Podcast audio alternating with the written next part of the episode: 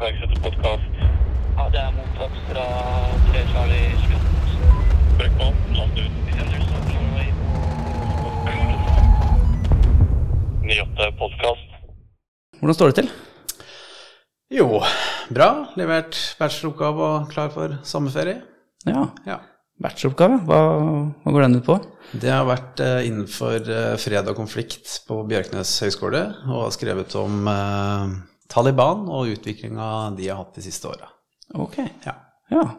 det var jo ganske relevant til, eh, til noe av det vi skal snakke om eh, litt senere her. Hva, hva tenker du om uh, uttrekningen fra Afghanistan som skjer i disse dager? Uh, det var et godt spørsmål, uh, og et vanskelig spørsmål. Det blir jo spennende å se hva som kommer til å skje eh, når de siste troppene er ute da 11.9. Eh, mitt eh, tips er at det kommer til å eskalere opp. Det er jo en borgerkrig der nå. Eh, de som mener noe annet, mener jeg tar feil. Eh, men jeg tror den konflikten kommer til å eskalere ytterligere. Og eh, jeg tipper at Taliban kommer til å sitte ved makta innen kort tid. Ett til to år så kommer det til å skje mye i Afghanistan, tror jeg. Ja, det er jo kanskje litt grann, å si, kjedelig å erkjenne, eller kanskje heller ikke overraskende, jeg vet ikke. Du har jo, har jo vært i Afghanistan eh, noen ganger selv. Var, var dette noe som man så komme på lang vei, eller? Ja og nei.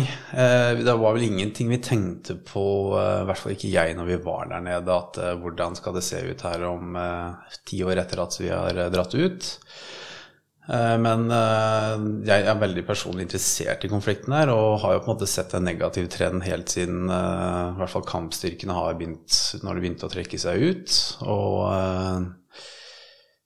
jeg tror ingen kunne forutse det som holder på å skje nå med forhandlinger med Taliban, samtidig som det foregår væpnede konflikter i landet, at det var på en måte noe som kunne skje.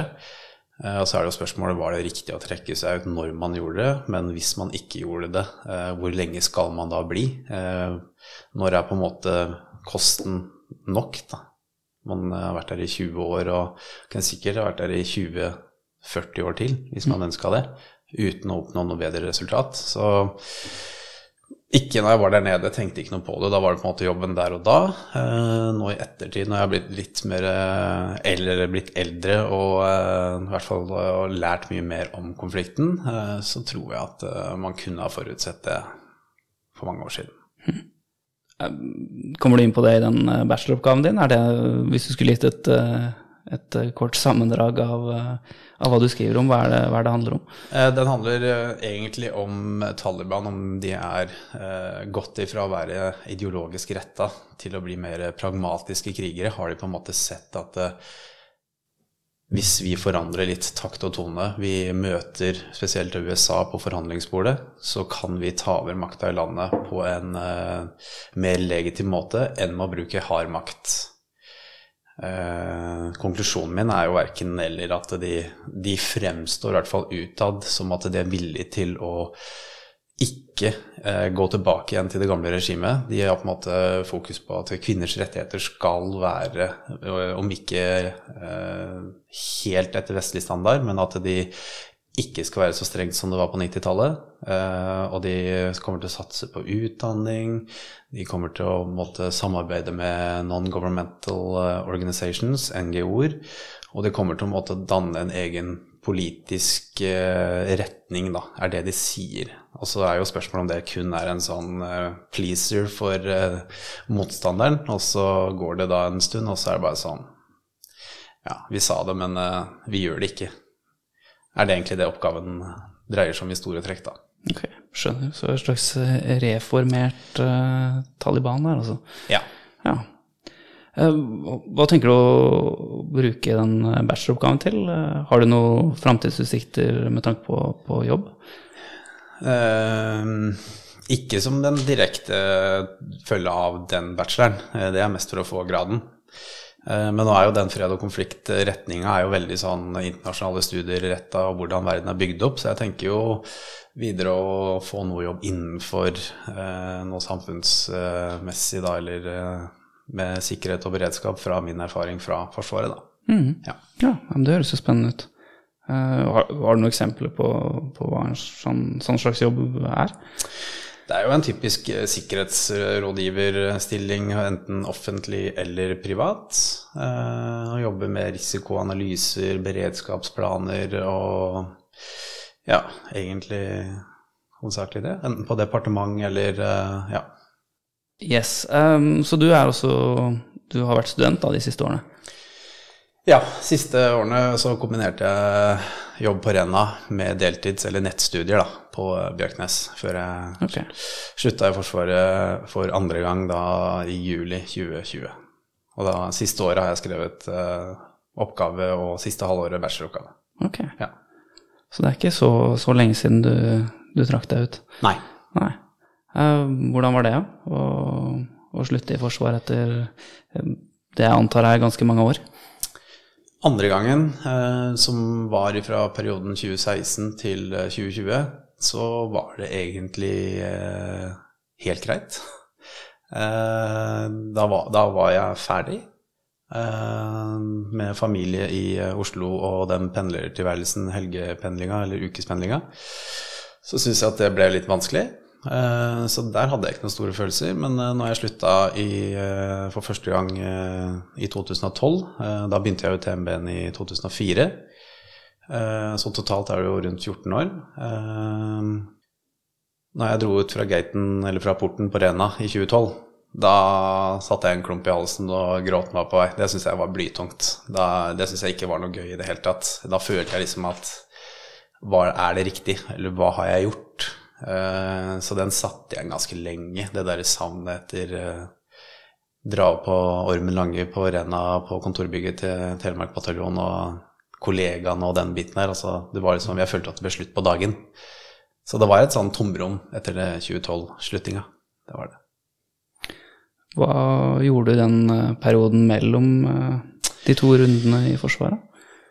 Da begynte jeg i et entreprenørselskap. Eh, det var en tidligere kollega som starta det, Bonum, eh, og begynte der som eh, prosjektleder med totalrenovering av bad, og så senere hele leiligheter og den biten, med null erfaring. Eh, ikke noe handy eller eh, i det hele tatt sånn pu- oppussing eller noe erfaring med prosjektledelse, men eh, jeg kasta meg i det, og det det gikk helt greit. Jeg var ikke sånn, jeg syntes ikke det var kjempegøy. Eh, Planen var at jeg skulle begynne da på den bachelorgraden eh, i 2013, og det gjorde jeg jo. Men det første året så syntes jeg var litt Om ikke kjedelig, så ga det meg ganske lite.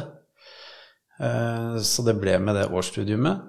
Eh, Og så eh, ja, I løpet av det studiet så bytta jeg jo fra Bonum og over til den amerikanske ambassaden og jobba der deltid for å kunne kombinere det med skole. Eh, så var det en runde tilbake igjen i Bonum, eh, jobbe med salg. Eh, det var HMS, mener jeg, å være i kontakt opp mot kunde. Eh, før eh, samboeren da skulle til, eller fikk eh, masterplass på eh, eh, Copenhagen Business School i København. Det var jo rundt i 2016. Og da tenkte jeg at da kan jeg jo dra tilbake igjen i Forsvaret. Jeg føler at jeg har noe mer jeg kan gi. Jeg føler jeg har liksom Jeg må fullføre eh, Bli litt eh, tilfredsstilt eh, på å jobbe der igjen, da. Altså få, hvis du skjønner hva jeg mener, den, få den der eh, Jeg følte at no, det mangler noe. Uh, og da passa det perfekt at hun skulle bo der i to år, og så kunne jeg drive med den pendlinga og så å si bo alene i Oslo, da. Og du angrer ikke på at du, du gjorde det valget da? Nei, ikke i det hele tatt. Eh, nei, det tror jeg var et riktig valg, og jeg angrer ikke på det. Vi, vi kan jo komme, komme tilbake til det etterpå. Det ble, det ble en litt brå start her med eh, Taliban og uttrekning fra Afghanistan og osv. Men eh, vi, vi kan jo forsøke oss på en litt, eh, litt mykere start. Du kom jo eh, varmt anbefalt. Jeg tror det var en, en tidligere kollega som sa at eh, vi må snakke med, med Halvor. Eh, så da var det supert at du ville stille opp. Eh, vi pleier å starte med en, eh, en liten spalte som vi har kalt Ti kjappe. Vi kan jo kjøre gjennom den. Første spørsmålet er luft, sjø, hær. Og jeg aner jo hvor det her bærer hen, men du får i hvert fall få lov å svare. Jeg kan bekrefte at det er hæren, ja. Yes. De fleste har vel sagt det hittil, så vi får få inn noen folk fra luft og sjø etter hvert her. Jeg må det. Du nevnte TMB-en. Eh, reflekterer det svaret ditt når jeg spør om eh, hva er din foretrukne Berret-valør? Det må bli den smaragdgrønne fra TMB-en, ja. Så i førstegangstjenesten så var det den Umbra-grønne fra grensa. Ja, riktig. Så du var på grensa i første omgang, altså. Ja.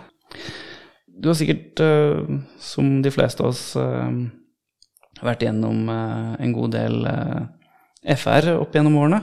Eh, har du noen favoritt på menyen? Ja, jeg er jo veldig glad i den torsk i karrigryte som en av de få.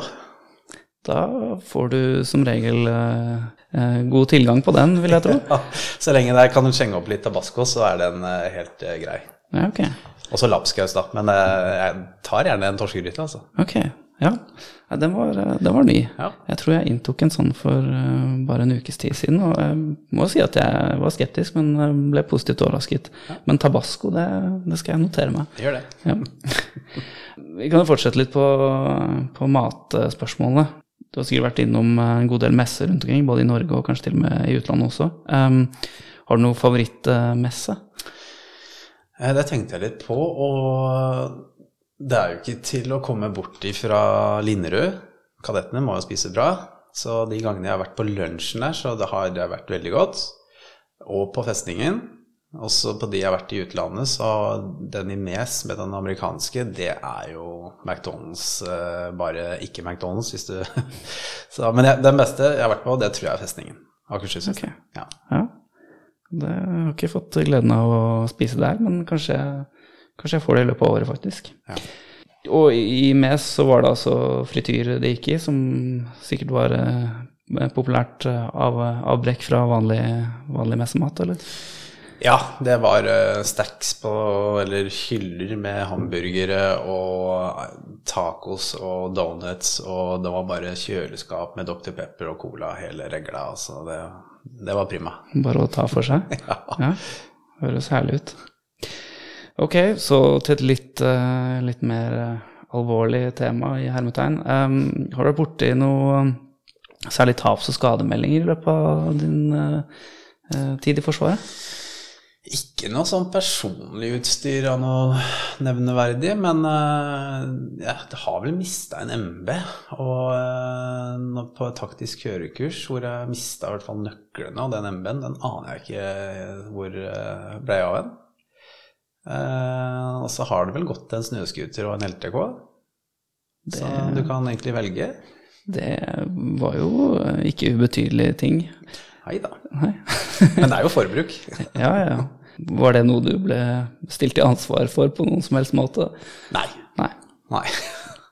Du ble ikke trukket fra, fra lønnen de, siste, de neste syv årene, altså? Nei, slapp det. Nei, ok. Ja. ja, men det tror jeg faktisk er en ny rekord her.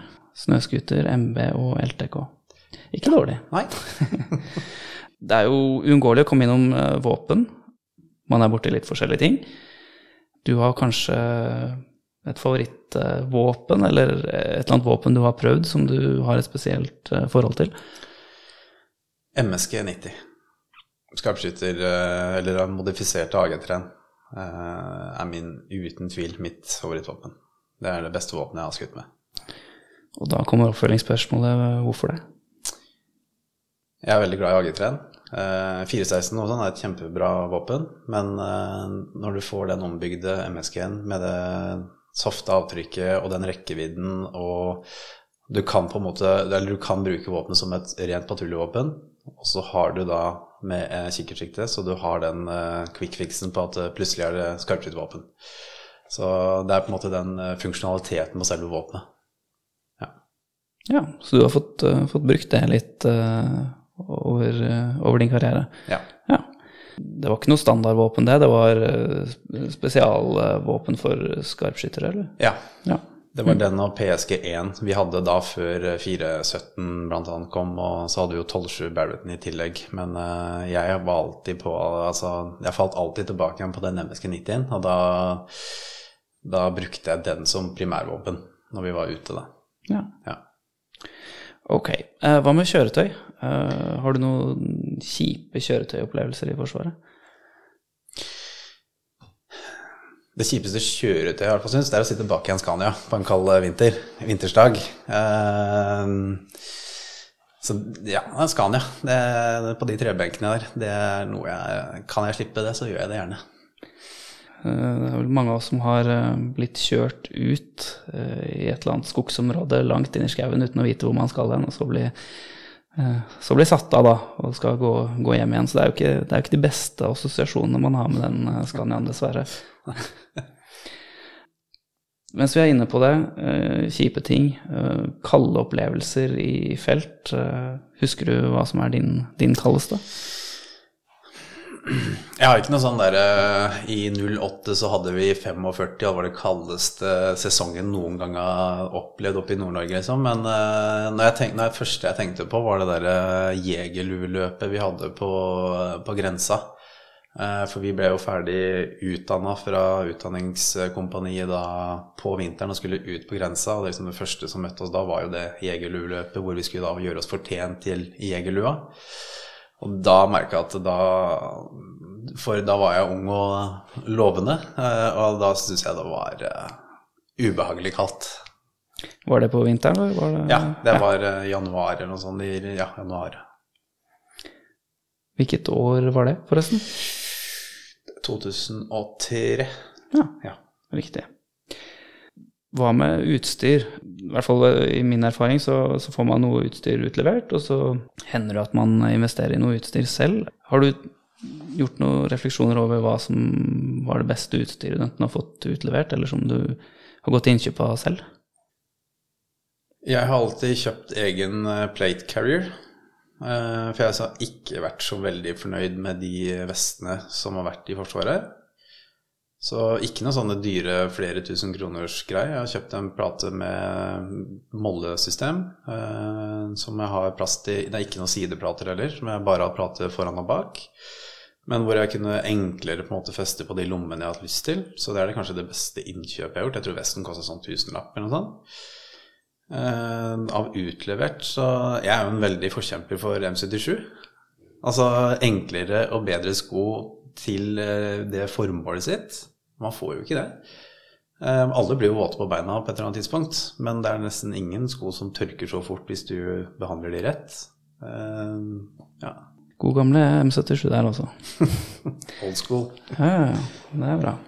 Siste spørsmål. Favoritt militærfilm eller serie?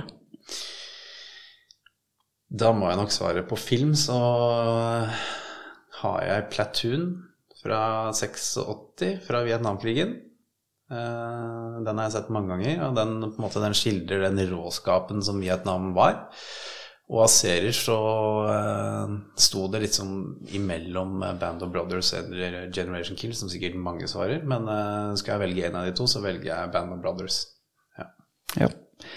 Det er på tide å se den igjen. Det begynner å bli noen, noen måneder siden sist. Uker siden. ja, ikke sant. Ok, eh, kult. Um, vi kan snakke litt mer om, om hvor du kommer fra. Er du fra, fra Bland, eh, har jeg skjønt? Ja, fra Søre Land, fra Innlandet. Ja. Ja, Mista dialekta da etter mange nok år i Forsvaret. ja, ok. Hvordan var det å vokse opp eh, der? Du, det var idyll på landet. Eh, masse lek og fotball og ut i skogen og lekekrig. Eh, og eh, nei, vi ble bare sluppet ut og kunne gjøre som vi ville. Så det var egentlig helt eh, topp. Det var det. Ja. Hadde du noe spesiell interesse for, for friluftsliv eller noen hobbyer når du var mindre? Jeg skal ikke skryte på meg at det var noe sånn der at vi var ute på speideren, eller at vi eh, var masse ute i, i, eh, i skogen og på en måte drev friluftsliv i ordets rette forstand, men vi var veldig mye ute i, eh, oppe i trærne og, det vanlige med den fotballen, og egentlig fant, lagde liksom kinaputter sjøl med fyrstikker og kruttlapper og kasta det rundt og herja, egentlig. Så vi var liksom eh, Brat Pack, da. Gikk rundt og skapte trøbbel i nabolaget. Ja. Husker du noe om eh, når du begynte å tenke på Forsvaret og en eventuell tjeneste der? Jeg husker da jeg var mindre, så gikk jeg en kompis eh, Jeg var jo veldig fascinert av liksom eh, uniform og eh, den biten. Faren min var jo i Heimevernet, så han hadde jo på en måte alt utstyret hjemme. Og jeg syntes det var jo veldig kult å kle i meg feltuniformen og liksom prøve lua og skoene hans og alt sånn. Men jeg tror ikke det var noe sånn Jeg husker ikke om det var noe sånn fast eller et årstall hvor jeg var tolv og bare plutselig sånn Nå! Nå skal jeg inn i Forsvaret. Mm. Men vært fascinert uten at det har vært noe sånn sykelig fascinert, hvis du er med på den. At det er sånn Det var ikke alt Jeg var ikke sånn altoppslukende, på en måte. Det var mer sånn fascinering. Så faren din var også i, i Heimevernet. Um, husker du hva han, hva han gjorde i Heimevernet? Nei. Begynner å bli noen år siden. Ja. Ja. Um, han var da kanskje av gårde på øvelser eh, fra tid til annen? Ja, jeg er litt usikker på åssen det var på den tida. Jeg tror ikke jeg la merke til den var den gangen. Nei. Det var vel litt andre tilstander på den tida. Ja, ja, ja. Vet ikke, Husker du tilbake når, når dette begynte å aktualisere seg litt, dette med, med forsvar, og var kanskje på slutten av videregående eller noe, man begynte å så konturene av en, av en eh, mulig tjeneste der fremme? Andre klasse på videregående så var jeg vel ganske nært i å på en måte pakke sakene mine og bare sånn Nå venter jeg heller til eh, jeg kan verve eller førstegangstjenesten. Eh, var veldig lei skolen og følte liksom at eh, det her jeg hører ikke hjemme. Eh, så hadde jeg en veldig flink lærer som da fikk overtalt meg til du, det fullfør det siste året, og så kan du dra i Forsvaret. Og så sa jeg bare ja, ok. Litt sånn på trass, sånn derre ja vel. Eh, men andre klasse, da kom den derre nå er jeg klar for å gjøre noe helt annet. Og da er Forsvaret. Du var ikke så happy med å, med å sitte på skolebenken, altså? Nei, det var liksom den rastløsheten at det, det her, hvorfor sitter jeg her? Jeg får ingenting, det gir meg ingenting, på en måte. Eh, og var skikkelig lei og var sånn eh, Jeg gikk jo på idrettslinja eh, og kunne jo spille masse fotball og alt sånn, men det var sånn Det sa liksom i løpet av andre klasse så sa det bare stopp. Mm. men så heldigvis så fikk han overtalt meg, da. Så der slipper jeg å ha tatt opp hele det siste året på videregående. Ja. Ja. Så da ble det, da fullførte du altså videregående. Um, husker du noe om hva du tenkte? um, Hva skal si, karrierevei i Forsvaret? Var det noe spesielt du så for deg som du syntes så stilig ut? Jeg tenkte først, eh, eller det som var, at jeg ville være med på noe som var fysisk krevende. Eh, Så jeg tenkte fallskjermjegeren. Eh, Det var jo det, det alle tenker til å begynne med. Eller de fleste. Så det var det, og det var de jeg på en måte hadde hørt om. Det er ikke så mange som har hørt om Indre Troms eh, når du er eh, 16-17 år. Eh, Men det var liksom, det var kult. Da, altså, da hadde jo broren min eh, var, jeg tror han var i, på Rena da. Han var vel da i Kampeskvadronen, er ikke det det? Kesken. Eh, og hadde snakka om de kara bak gjerdet med Widerøe Berret.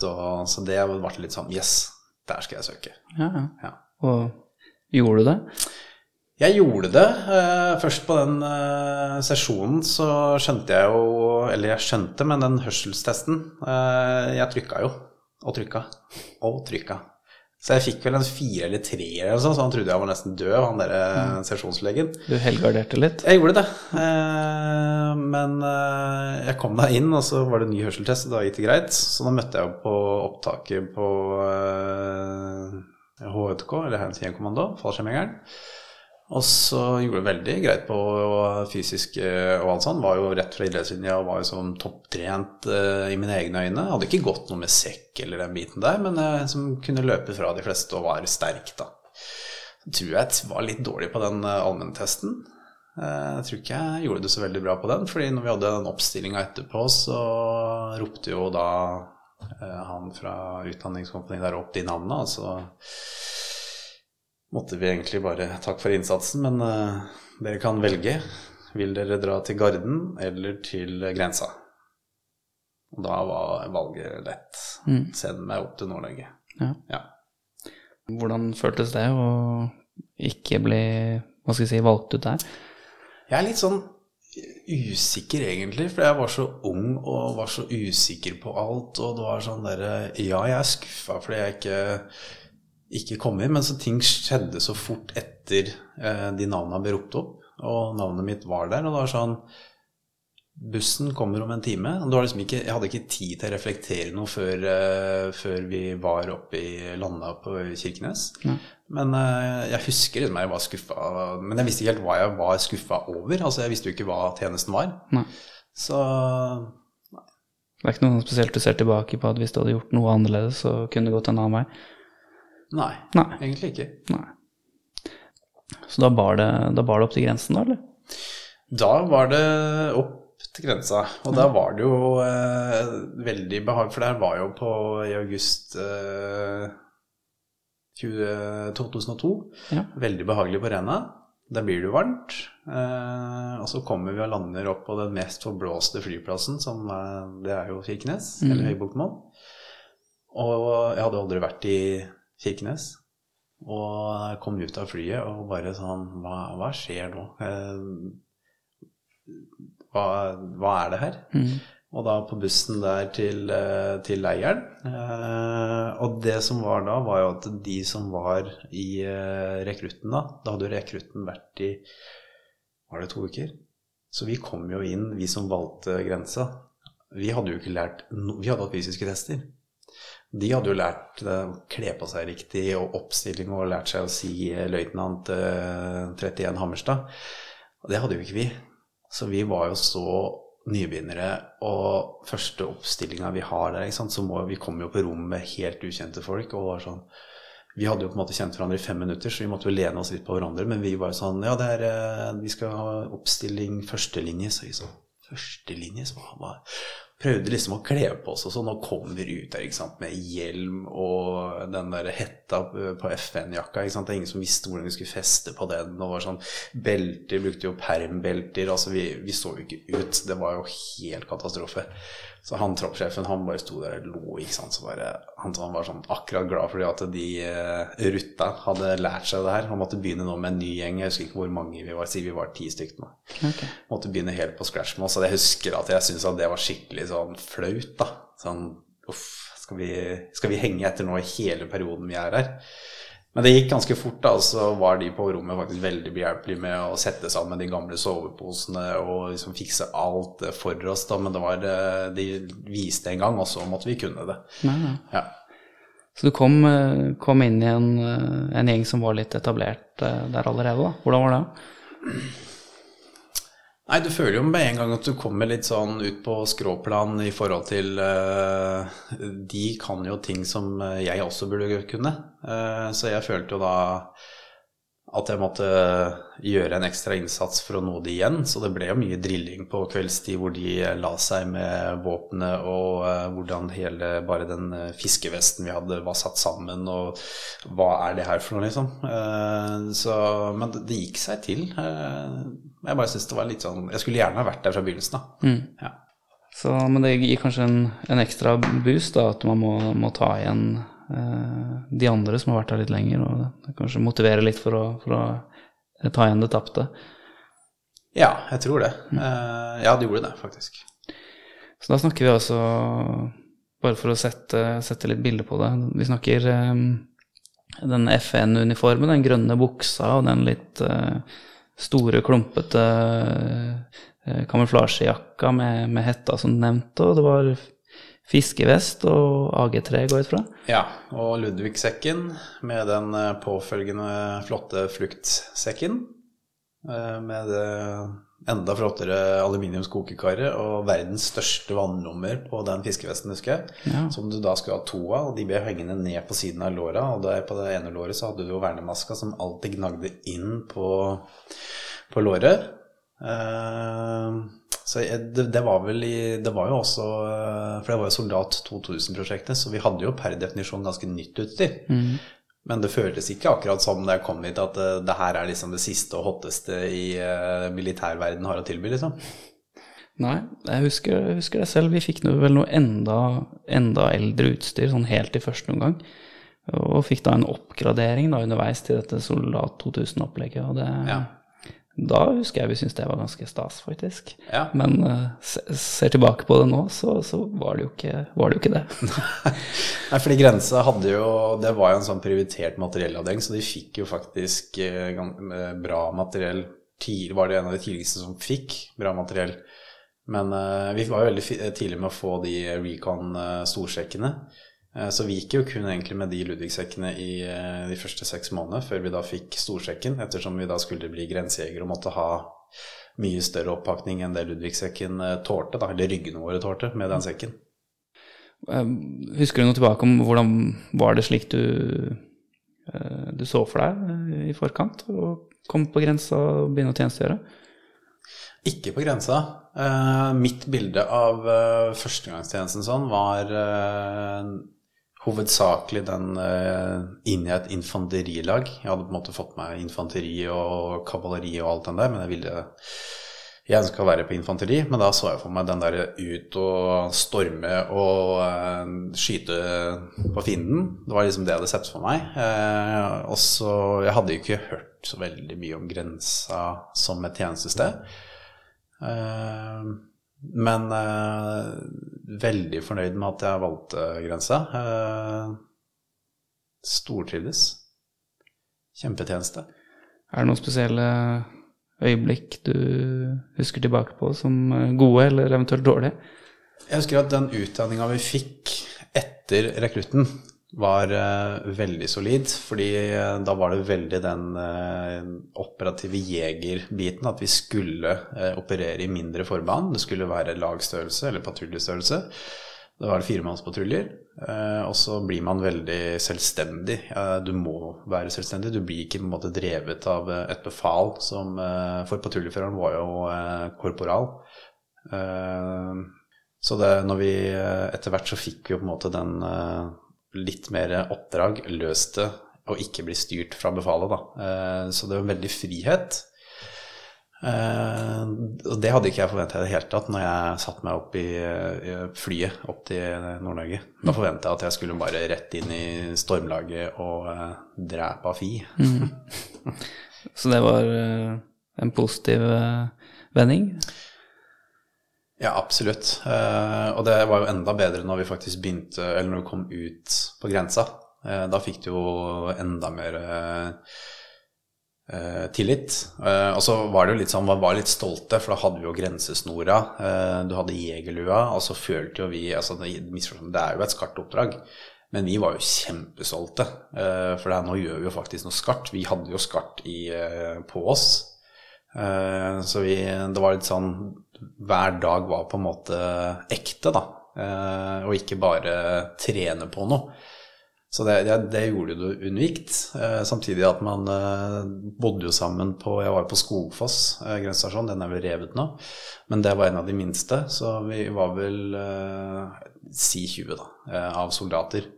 Så vi ble jo veldig sammensveisa gjeng. Man hadde liksom filmkvelder, og eh, man dro ut og bada i Pasvikelva, dro ut og fluefiska, kunne jakte og det er sånn. Og det er jo ikke så mange førstegangstjenester som kan gjøre det en del av tjenesten. Så det er sånn Og jeg var jo ikke noe, som jeg nevnte, noe spesielt friluftsmenneske altså sånn utenom å herje litt i skauen, men jeg ble jo veldig sånn eh, Jeg fant veldig roen da med å kunne gjøre det. Ja. Hvor lang tid tok det fra, fra du kom opp dit, til, til du begynte eh, å patruljere? Patruljere? Ja, altså gjøre disse Nei, det var seks, eh, seks måneder, da. Eh, For da okay. hadde du jo rekrutten, og så var det den GRKPU, eller Grensekompani Utdanning, som det het. Og da etter seks måneder, så, eller et, etter en stund, så måtte du da velge om du ville bli PF, eh, sanitet, samband eller skarpskytterspeider, da. Okay. Så da valgte jeg den skarpskytterbiten. Ja. Eh, Så da fikk vi jo Da var det på en måte en spesialisering du måtte gjennom. Og jeg husker ikke det kurset, skarpskytterkurset var ikke flere uker liksom med den biten, men det var jo en uke eller noe sånn med skytetrening og litt sånn eh, stalking og, og den biten. Og så var det egentlig ut og fungere som et lag de neste seks månedene. ja. Så har du noen tips til de som eventuelt lurer på en tjeneste ved grensen? Er det noen spesielle forberedelser man bør, eh, bør gjøre? Det har jo forandra seg ganske mye her oppe fra jeg var der. De har jo blitt mindre og litt større stasjoner. eh, så- Men jeg tror de har en veldig god grunnutdanning. Og jeg, på en måte, jeg hadde hatt et litt sånn, bare et sånn åpent sinn og tenkt på at hvis man har lyst på en litt annerledes tjeneste, så er det, det er plassen å dra til. da. Og der har man jo også muligheten, å, hvis jeg sier riktig, å ta 18 måneders eh, førstegangstjeneste, og ikke den 12-månederen. Mulig. Ja. Jeg er ikke sikker selv. Nei, men jeg, jeg, jeg tror bare at man eh, Hvis man har liksom kommet seg lengst mulig unna mamma og pappa, eh, med mindre du ikke er fra Kirkenes, eh, eller er fra Sør, hvis du er fra Østlandet, så hadde jeg heller gjort det enn å dra til Indre Troms. Ja. Det er min personlige mening. ja. Ja. Er det noen ting fra, fra det året på grensa som, som du tok med deg videre? Jeg var jo der i Etter førstegangstjenesten så var jeg seks måneder til, for da var det mangel på grensejegere. Eh, så da lyste de ut grenaderstillinger. Så det var på mitt Og jeg tenkte jeg trives her oppe, jeg søker. Og da fikk jeg jo stilling som eh, patruljefører og grenader. Og det holdet der var helt Altså sånn øvelsesdøgn. Vi fikk så mye vi ville. Eh, Det var sånn at vi måtte gi fra oss eh, For da var det jo rullering. Du hadde en uke på Open, og så hadde du en uke på, ute på patrulje. Og så hadde du en uke med utdanning, og så hadde du da i teorien en uke med fri, da. Eh, Men det var Da fikk du jo øvelsesdøgn, masse betalt når du var på patruljeuka og på den OP-uka, og kanskje da deler av utdanningsuka. Så du hadde, vi hadde så utrolig mye døgn. Og det var sånn der, kan du være så snill å ta den OP-uka mi, for jeg må ha litt fri. Og det var sånn, ja, lett. Så til å være ung eh, da, så plutselig få bankkontoen fylt opp med så mye penger, det var uh, nice. Ja. Gikk de penga rett ut igjen, eller ble de spart? Skal jeg være fornuftig nå og si at jeg har spart de? Nei, de gikk som regel rett ut, for da begynte jo eh, den der internettgreia veldig å komme og bestille ting. Ja. Så eh, alle grenad, de som var grenaderer, det var fire, for alle PF-ene var grenaderer, så de eh, Det kom opp kamerautstyr, PC-er, altså alt mulig. Vi- Altså vi bestilte ja, for altfor mye penger. Ja, ok, Ja. ok. Var det Altså, du søkte jo åpenbart på, på den grenaderstillingen, men, men var det et bevisst valg eh, i forkant? Altså, var du innstilt på å fortsette, eller var det noe som var litt tilfeldig? Mest så tror jeg det var tilfeldig. Eh, Jeg tror eh, Det er mulig minnet mitt er dårlig, men jeg tror ikke jeg hadde allerede, eller da, bestemt meg for om jeg skulle søke meg videre eh, som yrkessoldat, eller om jeg på en måte skulle gjøre noe annet. Eh, men jeg tror ganske tidlig i den eh, Eller i eh, førstegangstjenesten så kom den derre 'vi mangler x antall folk'. Eh, så da var det veldig enkelt for meg når jeg stortrivdes her så mye. Hvis jeg kan fortsette i seks måneder, så gjør jeg helt gledelig det. Så det tror jeg bare hoppa på den uten å tenke noe mer på det, egentlig. Ja. Ja. Og da, i den tjenesten så hadde du da litt, litt mer ansvar enn det du hadde hatt eh, tidligere, skjønner jeg? Uh, ja, når jeg ble grenader. Ja. da, da var jeg på en måte ansatt. Eh, og det som var litt uh, artig da, var jo at han som var troppssjefen min da i Utdanningskompaniet, som vi alle var livredde, han ble da min stasjonssjef. Eh, så det var jo en veldig sånn morsom greie fra å gå og være livredd han i seks måneder, til plutselig å være Eller et år, da. Til plutselig å være kollegaer, da. Ja. Eh, og vi ble jo behandla som kollegaer, og ikke den ovenfra og ned. Eh, så jeg syns at det var helt nydelig. Det var det. Ja. Så da, da ble det seks måneder, men det var vel ikke Tok vel ikke helt slutt der heller, kanskje? Nei, det kom opp en uh, rekrutteringsgjeng fra Telemark bataljon, og det her var vel da rett, eller i midten av den grenadersperioden, da. Uh, ja. Og da, som holdt den klassiske rekrutteringsbrifen med eh, order of battle og ser alle stridsvogner og Mekinf eller CV90 og sånn. Og det som er, vi, vi ante jo ikke hva er en tanks. Vi hadde sett eh, russisk kjenning, hadde vi sett en stridsvogn. Men vi ante jo ikke hva eh, Mekinf eller tanks eller noe som helst Vi var vant til fire gutter på, på bakken med AG3 og gå ut i skauen eh, og kjøre snøscooter. Det var det vi kjente. Eh, så når han holdt den brifen, så var jeg veldig sånn Jeg liker meg her oppe. Da kan jeg jo sikkert like meg der nede nærmere hjem. Eh, og Telemark Jeg hadde ikke hørt så mye om Telemark bataljon egentlig. Eh, men etter at han var der, så begynte jeg å lese veldig mye. Og var sånn ja, kult. Da, det er jo på en måte den eneste helprofesjonelle avdelinga Norge har. Så, så da søker jeg. Men da vil jeg også søke på noe som er litt relatert til den tjenesten jeg har i dag. Jeg ønsker ikke å sitte i en 790. Så da ble det jo til å søke pansra oppklaring. Da. Det var på en måte det nærmeste jeg fikk den eh, jegertjenesten eh, der, da. Ja. Ja. Bruke M77-ene. ja. Ja. Um, så da er vi kanskje i Er vi i 2003, eller er vi i 2004 her?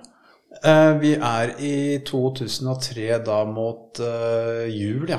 Ja. Ja, fordi jeg dimitterte vel, eller da slutta jeg vel i, til jul, og så var jo da søknaden uh, på våren 2004. Og så var det opptak da mai, mai tror jeg. Mai-april Ja. til TMB-en. Og det var, um, det var bare rett fram, det var ikke noe tvil her?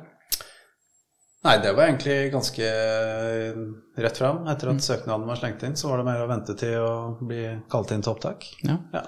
Så ikke noen tanker om å gjøre noe annet, f.eks. studere, eller Ingen. Nei. Nei, ingen. Savna fortsatt ikke skolebenken her. Um, så, men da begynner det jo på en måte å peke seg ut en, en karriere etter hvert. Da, da er du vel uh, begynner å nærme deg et par år. Hvordan var inngangen til TMB-ene? Opptaket var noe helt annet enn det som er i dag. Eh, Vi hadde tre dager. Det var fysiske tester, og så var det venting, og så var det medisinsk sjekk, og så var det et intervju. Nå er det jo uke og masse eh, hva heter det, teambuilding og sjekke om hvem som har på en måte initiativet og alt sånn, men eh, for meg så var det kjempeherlig. Eh, Det var liksom en sånn 24 timer hvor du skulle Eller det var det kanskje på slutten hvor du skulle da ha en sånn uh, utmattelses uh, helvetesdøgn, da. Men ikke noe sånn særlig tøft, egentlig. Eh, så når jeg var ferdig, så var det sånn Ja, da får jeg dra hjem og vente på telefon eller brev. Jeg tror det var brev, faktisk. Ja. Og denne gangen så, så var det tommel opp. Det var det. Og da var det vel eh, oppstart 19. juli, husker jeg. Ja, okay. Ja, så det gikk ganske fort etter opptak til svar til oppmøte. Eh, så da var det som å Da hadde jeg på en måte bodd hjemme hos eh, mor og far i seks måneder, da. Og var veldig klar på å komme meg på 19-kvadrateren på renna. Mhm. Eh, det jo var litt sånn Jeg husker den bilturen opp, at det var litt sånn Ja, ja, hvordan, eh, hvordan er det her, da? Er det her jeg skal bo, liksom? Mm. Hadde jo med egen TV og sånn, men det, det var jo TV der, og var, jeg syns jo det var veldig Ha mitt eget bad. Jeg har det jeg trenger der, og installerte PC-en og pakka ut klærne og var sånn møtte på jobb og Og da følte jeg, når jeg kom på jobb, så var jeg, da var jeg på en måte på scratch igjen. Eh, når jeg avslutta på grensa som grenader, og alle de som var i førstegangstjenesten og sånn da, var jo helt sånn der Å, han er grenader, liksom. Se på han. Kommer jeg dit, og så er du lavest på rangstigen igjen, da. Mm. Uh, så det var ikke et slag i ansiktet, det var jo som uh, forventa. Men hadde jeg vært uh, i retrospekt, så skulle jeg gjerne reflektert litt mer over den eh, å begynne der eh, som helt ny, selv om jeg hadde et halvt år som ansatt.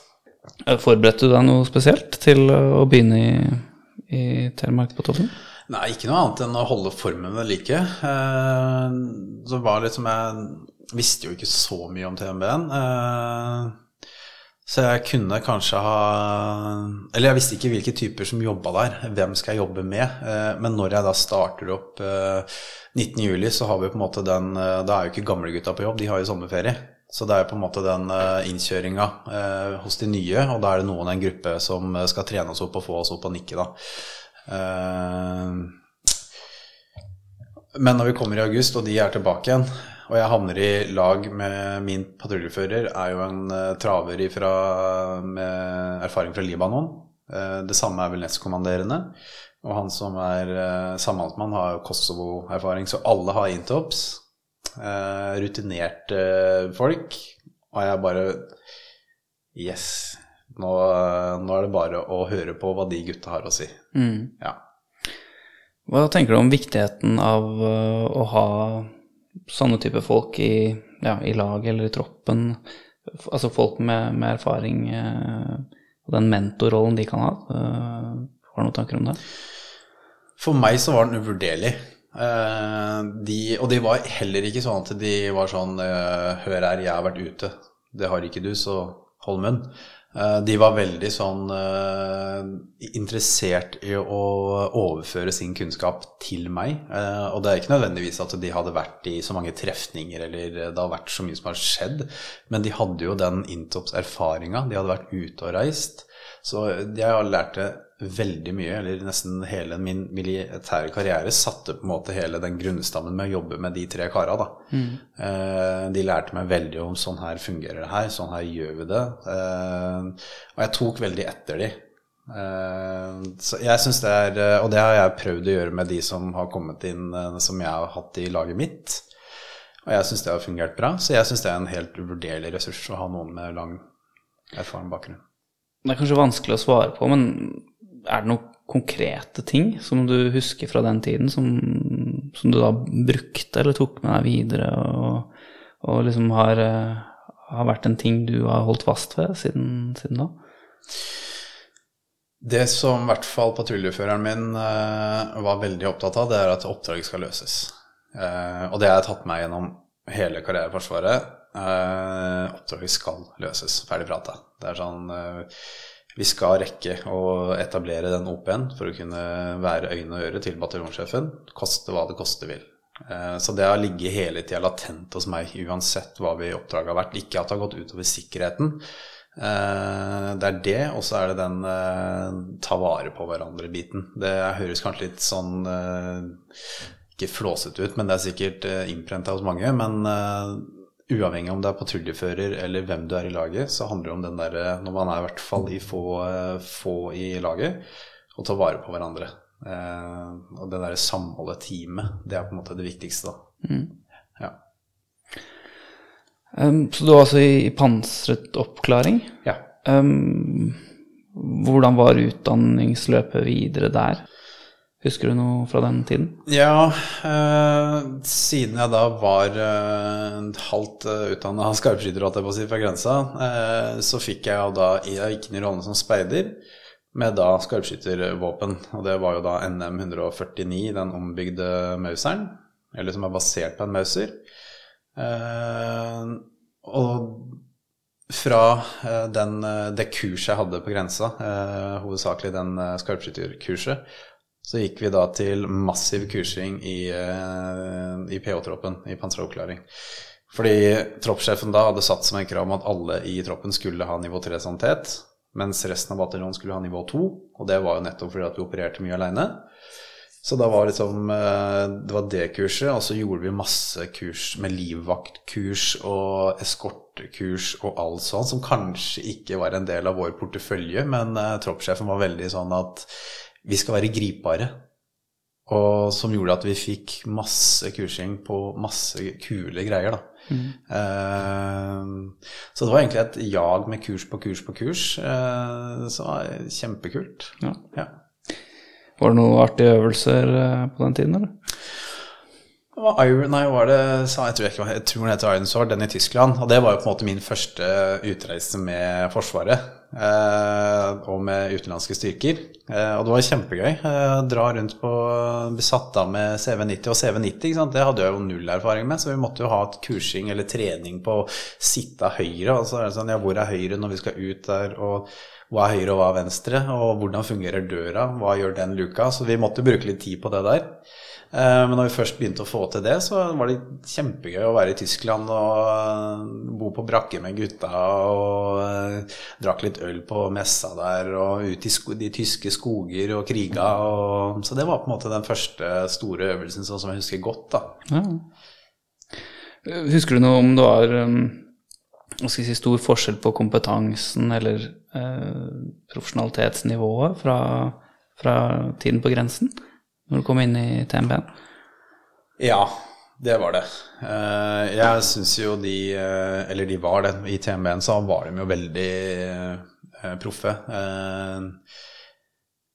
Selvfølgelig når jeg jobba med førstegangstjenestefolka oppe i nord til å komme dit, det var en veldig sånn Jeg trodde jeg var flink, men så kom jeg dit og er på skytebanen, og så bare, jeg kjenner jeg at jeg må faktisk Her må jeg trene. Mm. Uh, og både den måten de liksom, Alt fra vedlikehold når vi kommer inn igjen fra oppdrag eller fra øvelse. Det er sånn PF-en slipper å trådstyre. Derfor Alt skjer bare. Uh, og det syns jeg var en veldig sånn god greie, at da slipper noen å henge over meg, og nå må vi puste primusen. Men at ting skjer. Alltid KTS etter oppdraget, og det var sånn, og etterpå så stikker vi med seg og tar en øl. Det Ja. Ja. Så det var et, eh, et ekstra gir der, altså, sammenlignet med tidligere. ja. Ja. Hvor lenge var du i, i pansret oppklaring? Jeg var vel der eh, fra 2004 til 2012. Ja. Ja, du var der ikke- hele tiden? Ja, jeg ville ikke Nei, jo nei. Det kunne jeg aldri ha gjort. Men det ble kanskje litt uh, forskjellige ting du var med på, på i den tiden. Eh, hvor var eh, veien videre etter eh, den første tiden? Vi, eh, etter første året så fikk vi da at vi skulle på en oppsetning til Kabul. Og det, da skulle vi dra ut i september-oktober i 2005. Og da perioden før det så skal vi da bare bruke til å trene oss til oppdraget. Og da husker jeg var veldig sånn Nå skal vi ut. Eh, og vært inne der i ja, et år da, for å få den meldinga. Så jeg var sånn eh, Har jeg gjort så mye refleksjoner på det, egentlig? Eh, ikke kanskje fram til vi fikk den meldinga om at vi skulle ut.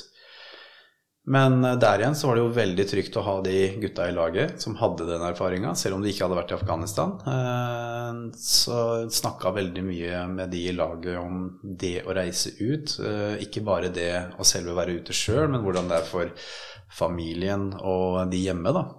Så jeg husker at jeg var veldig stolt av jeg som sa det til mutter'n og fatter'n at nå skal, jeg, nå skal jeg ut. Eh, De òg var kjempestolte. De har aldri vært noe sånn, var ikke noe sånn reservert i forhold til det. De støtta meg uansett. Eh, I hvert fall så sa de det. Hva de sa til hverandre, det er en helt eh, aner ikke jeg.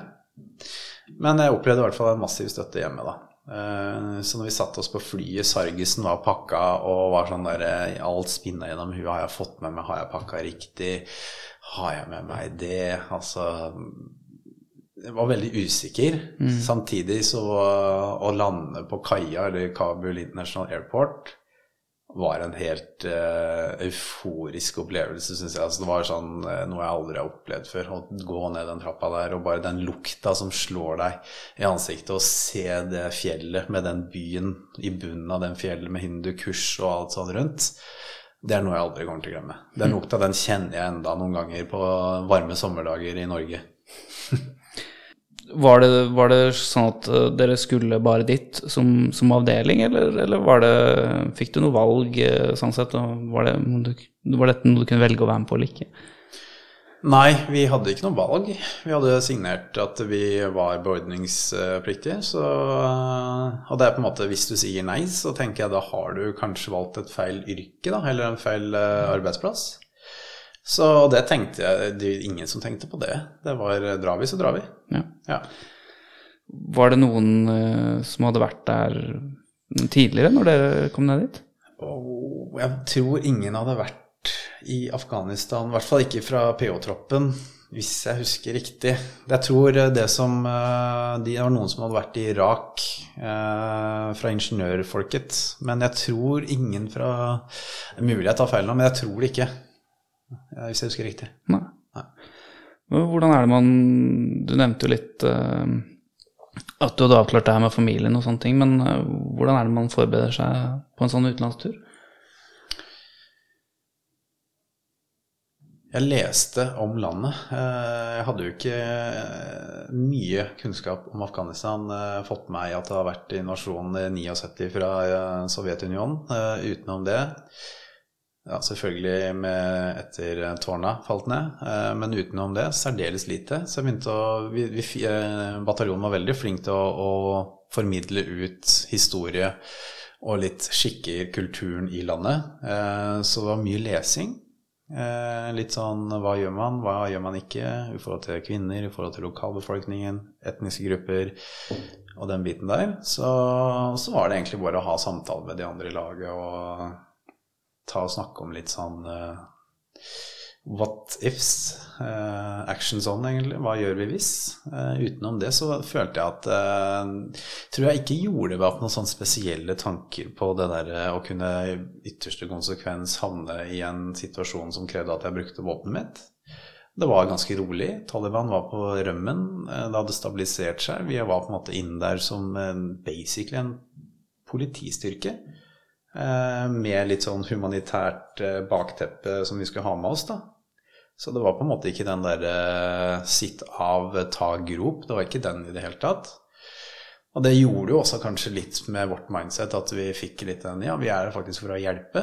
Eh, og det er litt sånn som man eh, tenker på en soldat, at eh, det er jo ikke jobben til en soldat, det. Men vi er jo de eneste som kunne gjøre det. Du kunne jo ikke sette NGO-ene eller Røde Kors eller Røde Halvmåne til å gjøre det samme. Eh, De hadde jo da ingenting å forsvare seg med. Så jeg tror på en måte den følelsen var sånn litt sånn eh, Gleda meg kjempemye, grua meg litt, var eh, sikkert redd. Men så visste jeg at jeg hadde den, de gutta rundt meg, de rutinerte gutta, som, som kunne fortelle meg om ikke hva jeg skulle gjøre, men i hvert fall eh, som backa meg i situasjoner. da. Hva med mm, avdelingen eh, som helhet? Gjorde man noen spesielle forberedelser rettet mot det utenlandsoppdraget i forkant? Og tenker du da på oppsetningsperioden? Eh, jeg husker ikke så, men det var, eh, det, det var mye bedre på de andre intopsene jeg har vært på. Eh, men det var på en måte den eh, Vi dro ut med stridsvogn, en tropp eller to derifra. Eh, de var jo vant til å sitte på stridsvogna si, og nå skulle jo de på en måte bli litt omskolert til å sitte på eh, åpne MB-er. da. Så jeg, jeg tror ikke vi hadde en sånn eh, Nå skal vi ha tre måneder med oppsetting, det her er opplegget. Jeg tror det var mer fokus på uh, skyting, sanitet, samband den, og fysisk form. Det var de, eh, de, det vi hadde fokus på. Ja. Ja, og så kom du, kom du ned dit. Hvordan var den første tiden der nede? Hvordan, forresten, hvordan type oppdrag hadde dere? Vi kom ned, ble innlosjert i eh, en gammel russisk eh, eller sovjetisk brakke. eh, hvor det var bygd opp noen lettvegger imellom oss og hadde et teppe foran døra vår. eh, så eller som bar døra.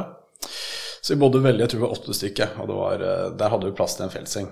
eh, og sargisen din. That's it. Så det var egentlig ganske spartansk. Eh, og på den tida så hadde det vært en, en eller to kontingenter før oss, så maten i messa begynte jo Det satset var jo velferd. Så det var jo helt prima. Jeg kunne ha tatt med den på lista i stad, glemte jeg. Eh, men eh, oppdraget var at vi skulle samarbeide med For det var, Kabul var delt opp i politidistrikt, og da skulle vi være med å kjøre felles patruljer med lokalt politi. Eh, generell patruljering på dag- og kveldstid. Uh, egentlig være en politistyrke. Uh, og være en hurtig reaksjonsstyrke hvis det skjedde noe. Og egentlig bonde litt da, sammen med de lokale sikkerhetsstyrkene. Ok. Ja. Ja. Hvordan var møtet med, med disse lokale sikkerhetsstyrkene? Det var interessant. Det litt annen uh, våpenkultur. Uh, litt annen uh, grad av profesjonalitet. Men det var krigere, da. De hadde vært ute en vinternatt før. Så jeg syns det var veldig interessant og lærerikt å kunne være så tett opp mot Vi var jo avhengig av Torg, selvfølgelig, men det var noen uh, det, For det smalt jo jevnlig. Eh, og der hvor vi gikk nattpatruljer, og det plutselig kunne smelle, og det hørtes ut som det var nære, så, og vi var rett ned på gata og uh, sonderte, så var de kara bare sånn derre ja, ja, se på de, ja. Bare gikk videre, liksom. Eh, så det var litt sånn eh, både og, egentlig. Eh, så var det veldig interessant å komme så tett innpå lokalbefolkningen.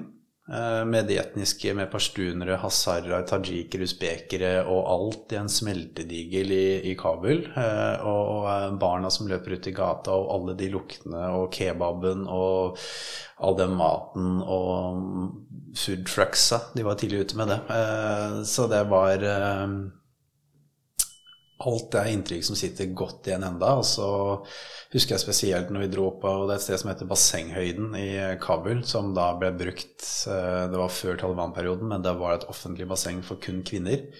eh, Hvor de kunne bade. Men når Taliban tok over, så ble jo det heller brukt som et sted hvor de henretta mannfolka. Så der var det jo hele den eh, veggen på kortsida på den dype enden var full av prosjektilhull da, i veggen der. Så det skapte jo litt sånn inntrykk, da. Det gjorde det. Og så var det Kontrastene var jo eh, hotellet der, en av hotellene, Hotell Intercontinental, som vi pleide å kjøre innom eh, og ta en security-sveip på. Det var liksom eh, overdådig med svømmebasseng og drinker på bassengkanten for de som bodde der og sånt. Så det var på en måte ytterkantene av luksus og elendighet, da. Ok. Men dere var altså i Kabul sentrum og hadde camp også i sentrum? Ja, det var mange Jeg husker ikke Vi bodde på Camp Warehouse, eh, og så var det hele langs den veien som het Route Violet. Eh, Vi kalte den vel for Route Violent, for der var det den ruta hvor det alltid gikk av eh, veibomber. Så den prøvde vi å kjøre utenom. Men det var liksom camp og camp og camp. Jeg tror det var Jeg tror jeg ikke ljuger hvis, hvis jeg sier at det var åtte camper i umiddelbar nærhet. Så da bodde vi på den, og så eh, var det jo amerikansk leir og italiensk leir og ja. Så hele liksom hovedgjengen var samla der, for det var i relativt nærhet til flyplassen, da. Ok. Ja. Du nevnte at um, Taliban var på flukt på den, uh, i den perioden der. Hvordan opplevde du trusselbildet den gangen? Største trusselbildet var veibomber. Eh, Vi kjørte jo rundt i de gitter-MB-ene uten noe form for pansring. eh, Eller jeg vil si, vi hadde stripsa fast eh, gamle sånne vester, skuddsikre vester, eh, på gitterne. Eh, Det, det var det. Eh, Og det her var jo Det var ikke så mye asfalt, så vi kjørte mye på grusveier. Og det andre var eh, raketter som ble fyrt av på veldig spartansk måte fra de nærmeste høydedraga. Eh, Men å gå i en direkte konfrontasjon i byen, uavhengig natt eller dag, det var nesten aldri en trusselbilde vi hadde. I så fall så er det på en måte litt mer sånn lokale kjeltringer. Eh, ikke de der Taliban eh, De var jo på flukt. Eller hidden in plain sight. Så det var egentlig den veibombegreia, som- for den kunne vi jo ikke regjere så mye over. Eh, og vi hørte jo daglig om på etterretningsbrifene eller sikkerhetsbrifene at vi kunne forvente hver dag at det hadde gått av en veibombe på den Route Violet. da. Så den prøvde vi å unngå. Amerikanerne brukte den ned, men de hadde jo også mer pansring da. Ja. Ja. Dere klarte å unngå de, de verste incidentene? Ja, vi hadde vel eh, Vi hadde én gang hvor det ble noe skyting når vi For vi har roterte jo på å stå i eh, gaten eh, på, på leiren. Da var det én gang hvor det kom en singel skudd mot leiren, og det, det var veldig rolig, egentlig. Det var På slutten så var vi sør for Kabul. Hele PO-troppen, hvor vi drev litt mer med i en landsby som heter Musai Valley, husker jeg veldig godt, for det var på en måte første møte med landsbygda. Og da patruljerte vi eh, det rurale, eh, og det var jo en veldig stor kontrast til storbylivet i Kabul, til å en time, halvannen sørover, til å veldig kummerlig forhold med de eh, hyttene, eh, jordhyttene de bor i, og eh, ekstremt mye fattigdom og sult, egentlig. Og kjente jo veldig på det på meg sjøl sånn Ja, vi har det jo faktisk utrolig godt i Norge, og følte jeg Jeg fikk ikke dårlig samvittighet, men da kjente jeg kanskje litt mer på det der at uh, det her er jo ikke helt riktig. Eh, så vi bodde vel der Jeg tror vi var der flere ganger, men eh, vi hadde vel lengst oppe, og så bodde vi i den eh, improvisoriske FOB-en vår, eller Forward Operating Base, i en ukes tid. Og, men vi hadde jo med CV90. Så det, det var liksom Jeg tror ikke Taliban var så veldig frista til å gjøre noe, da. Nei. Så det gikk eh, relativt rolig for seg. Ja. Ja. Ehm, hvordan, var, eh, hvordan var temperaturen, klima? Var det en stor overgang? Kabul ligger jo på ganske Jeg husker ikke det hodet, men det ligger ganske høyt. da, Eh, Så der blir det kaldt. Det blir snø, det er vind, det er vått, det er gjørme. Eh, Når vi kom dit, så er jo sola, da. Men, da det, men det sto ganske fort, så ble det et skifte. Så jeg husker at vi var eh, Det var mer eh, feltuniform og ullfrotté enn det var eh, T-skjorte og god stemning, værstemning, altså. Det var det. Ja, ok. Ja. Hvordan syns du dere fungerte som, som lag der nede? da? Funger, eller tropp? Fungerte det greit? Jeg syns det fungerte akkurat sånn det skulle fungere. Vi var flinke til å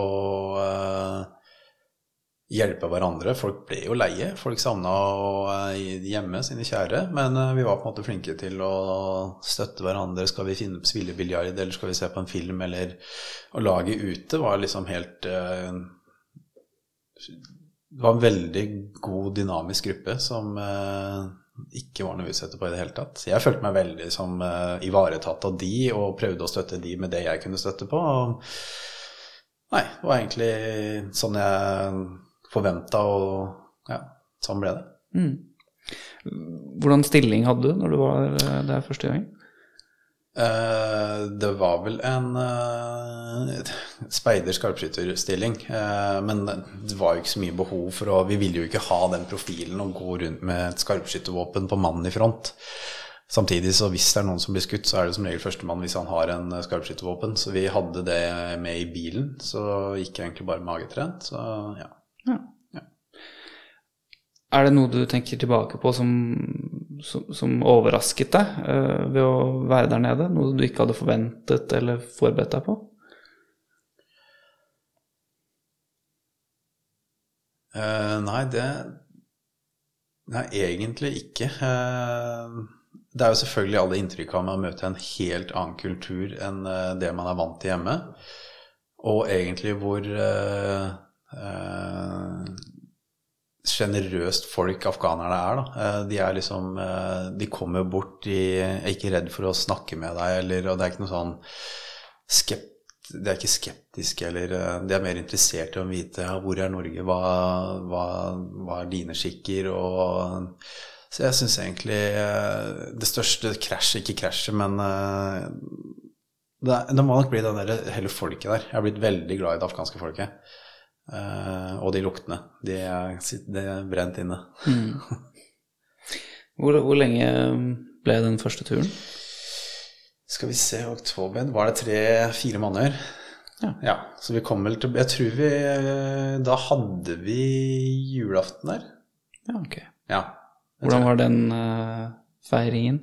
jeg tror det var verre for de hjemme. Eh, men feiringa der var eh, Det var julemat av eh, topp klasse og god stemning. Jeg tror vi hadde For vi hadde jo no can rule, så vi fikk jo ikke lov til å drikke øl. Men da var det Kunne du ta to 0,33 eller én akevitt, så kunne du velge. Husker jeg. Ja. Ja. Hva valgte du? Husker du det? Jeg, jeg husker jeg ikke. Nei. Jeg valgte sikkert øl, for jeg tror ikke jeg var så glad i akevitt da. Um, ja, er det noen andre ting som har brent seg fast i minnet fra, fra den første turen? Nei, egentlig ikke. Eller jeg fikk, eh, jeg måtte, fikk en betennelse på Eller måtte drikke visdomstann, husker jeg. Så når jeg satt hjem eh, på bussen fra Gardermoen hjem, så klarte jo ikke jeg å åpne kjeften når vi skulle stoppe på bensinstasjonen og alle skulle ha hamburger. Jeg klarte ikke å spise, så det, det var en skikkelig nedtur. Så det var rett hjem og trekke tann, måtte jeg gjøre. Så nei, altså, jeg tror ikke det sitter eh, Jeg var eh, sulten på mer eh, etter den første turen. Jeg kjente at det her er noe jeg trives med. Den derre bobla man lever i, var kjempespennende. Jeg trivdes hver dag der nede, selv på de kjipe dagene hvor jeg Vi hadde jo muligheten til å ringe hjem og alt sånt, men det var jo ikke så mye internett, eh, chattemuligheter som vi har i dag.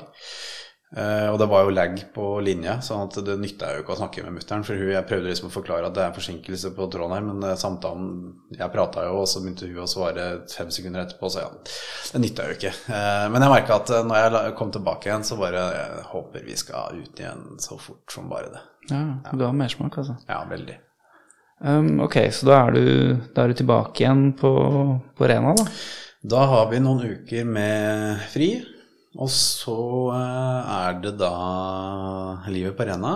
Eh, Det varer jo ganske kort, fordi eh, ikke lang tid etter at vi er hjemme og hatt ferie, så blir jo banken, eller den første basen i Maimane i februar i 2006, blir jo angrepet. Hva var det som skjedde da? Det var jo etter karikaturtegningene med Mohammed, og det skapte jo stor furore i alle byer hvor det var Nato-tilstedeværelse. Og der hadde vi jo egentlig vært ganske nyetablerte i den leiren, og det var ikke så Meimane eller Faryab provins var jo egentlig veldig fredelig og stille og rolig, og alle de lokale var, var veldig glad i de internasjonale eller norske styrkene, da. Eh, og det snudde jo over natta etter de tegningene ble publisert. Og da ble det jo den demonstrasjonen som eh, Jeg tror seks nordmenn ble skada. Eh, og prøvde å tenne på den eh, Det er jo et bilde av den landcruiseren som brenner på gaten, og steinkasting og skyting fra begge sider. Eh, heldigvis så var det jo det var jo styrker fra KJK som var inne der og fikk forsvart leiren ganske bra. Eh, Så når vi kommer på jobb, eh, jeg husker ikke helt dag eller noe sånt, men vi følte jo på en måte at vi hadde landa litt eh, akkurat på Gardermoen og sånn. Eh, Så da kommer troppssjefen, jeg tror vi har noe innebandy nede på eh, gymmen. Og så sender de en av eh, NK-troppen eller noe sånt, og så vi må møte opp i klasserommet. Eller møterommet, heter det kanskje. Og så møter jeg troppssjefen, så sier jeg litt sånn Ja, skal vi til Afghanistan, eller? «Eh, Ja. Og jeg bare sånn Ja vel. Så, og da hadde vi eh, seks timer, og da satt vi på flyet. Det var såpass, ja. Ja.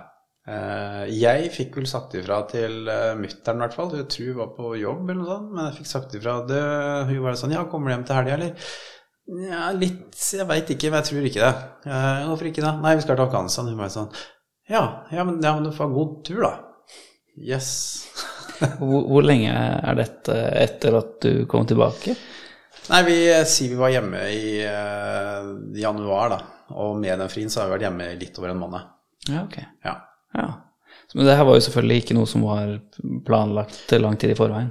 Nei, det var eh, Det kom en forespørsel, og så eh, Vi hadde jo da fordelen med all den kursinga på alle de greiene vi hadde gjort, så vi var på en måte gripbare til eh, det ene og det andre, og vi hadde nettopp eh, erfaring fra Intops. Så da kom det vel en henvendelse fra hærstaben eh, om eh, hvem kan vi sende, og da hadde bataljonssjefen vår sagt uh, vi sender PH. Ja. Så da var vi vel 16 eller 18 mann som dro ned. Riktig. Ja. Um, da var det ikke tid til så veldig mye forberedelser sånn spesifikt på, på akkurat det, men, men var det noe annerledes med, med oppdragsprofilen den gangen? Det som skjedde først, var at øh, bataljonssjefen sa til depot bare åpne opp, de skal ta med seg hva de ville.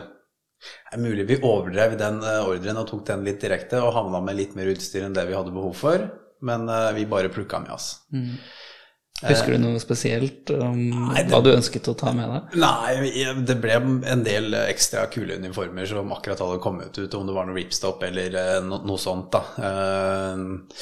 Men eh, vi Det ble grå forsyning, i hvert fall. Eh, Og når vi eh, setter oss på Gardermoen, så går egentlig ting veldig kjapt. Vi kommer jo til Kabul eller Jeg husker ikke om vi fløy til Kabul, eller det er mulig vi fløy rett til Mes, for da hadde den flyplassen blitt ferdig. I hvert fall delvis. Og da var det litt sånn Noen som er sånn Skal vi få lov til å rakke opp hånda og sånn Skal vi skyte inn våpen, eller åssen ligger vi an der? Ja, sånn, «Å ja, søren, det må vi kanskje gjøre før vi skal ned dit. For det, det vi hadde fått, fikk melding om når vi landa i Mes, den byen nord for uh, Meimane, var jo at det var et nytt opprør eller en ny demonstrasjon på gang.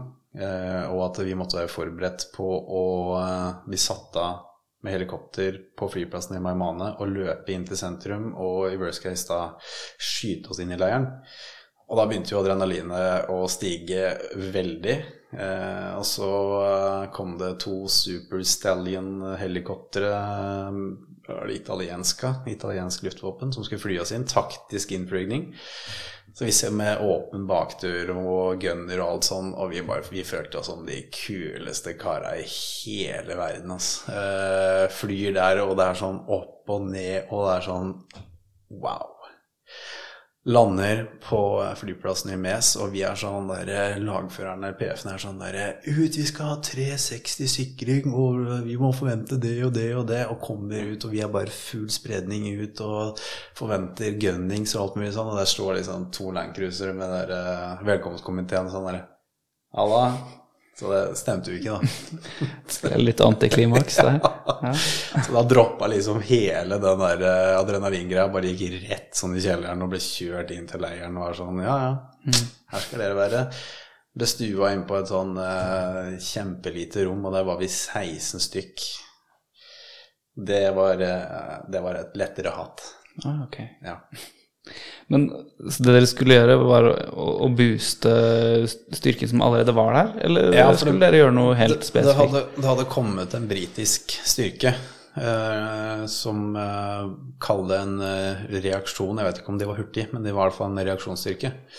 Som eh, da umiddelbart hadde vært støtte for den basen. Eh, og så da når vi kom ned, så skulle vi avløse de.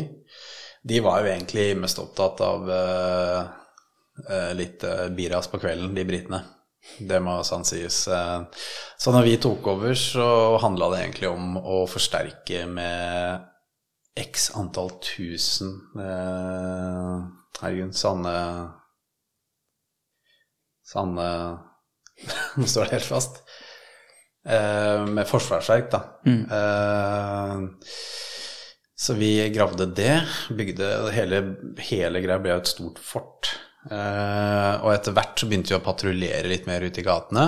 Eh, noen spytta, noen var eh, slang noe som vi ikke skjønte uansett.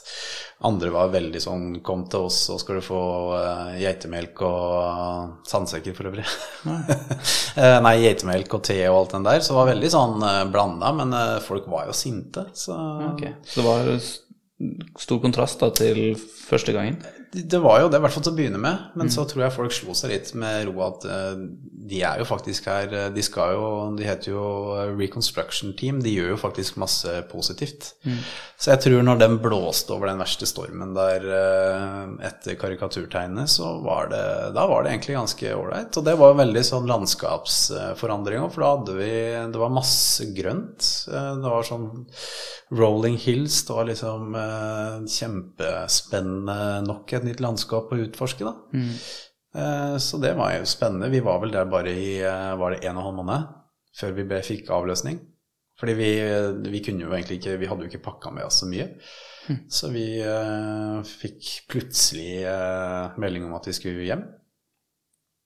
Så da var det å komme seg til Kabul, men der uh, var det ikke så mange som visste at vi egentlig var der, av de eh, norske styrkene heller. Så vi haika vel mer eller mindre med en russisk Antonov til Aserbajdsjan. Eh, før vi var i Baku, da. Eh, vi var jo inne på Antonoven. Gigantisk fly. Ja, det er det enorme transportflyet? Ja. Det, det var jo plass til Det var en F-16-motor Jeg sov under en F-16-motor, husker jeg. Eh, men det er plass til er det fire CV-ere. Eh, og det er som lasterommet er helt gigantisk, og så går det en uh, veldig spartansk trapp opp til uh, mannskapsrommet der. Og der er, det er ikke akkurat noe sånn røyking forbudt, da, så det dampes jo, og vodkaen flyter da, blant de eh, som jobba på flyet. Det var et privat selskap. Vi prata litt med noen som prata litt engelsk. Eh, Så når vi landa i Baku, så skulle jo de ut og ha fest. Ja. Så vi var jo igjen på flyet, det var vel tolv timer, og jeg tror hele det mannskapet, crewet, kom tilbake rimelig eh, slitne. Fyrte opp flyet og fløy til Gardermoen, militære flyplass. Så var det noe feil med landingshjulet, så det var bare sånn svart stripe etter hele flyet. Og de var sånn eh, Når lande, crewet på bakken kom, skjønte jo ingenting når det kom ut 16 norske, eller 18 norske soldater. Det var sånn Se på manifestet, og så bare sånn Nei, dere skal jo ikke være her. Jeg bare sånn Jo da, vi er her. Men det er jo litt interessant. Det her var ikke noe Du nevnte haiking, men var ikke det her organisert eh, sentralt på noe som helst vis, eller hvordan Det- fungerte det? Det kan hende det var i hvert fall noen som organiserte en flight fra oss i siste liten eh, i, fra Kabul. Men eh, det var ikke noe sånn Når vi landa, så var det en stor overraskelse, for de hadde ikke forventa at det skulle gå ut noen norske soldater fra et russisk Antonov-fly.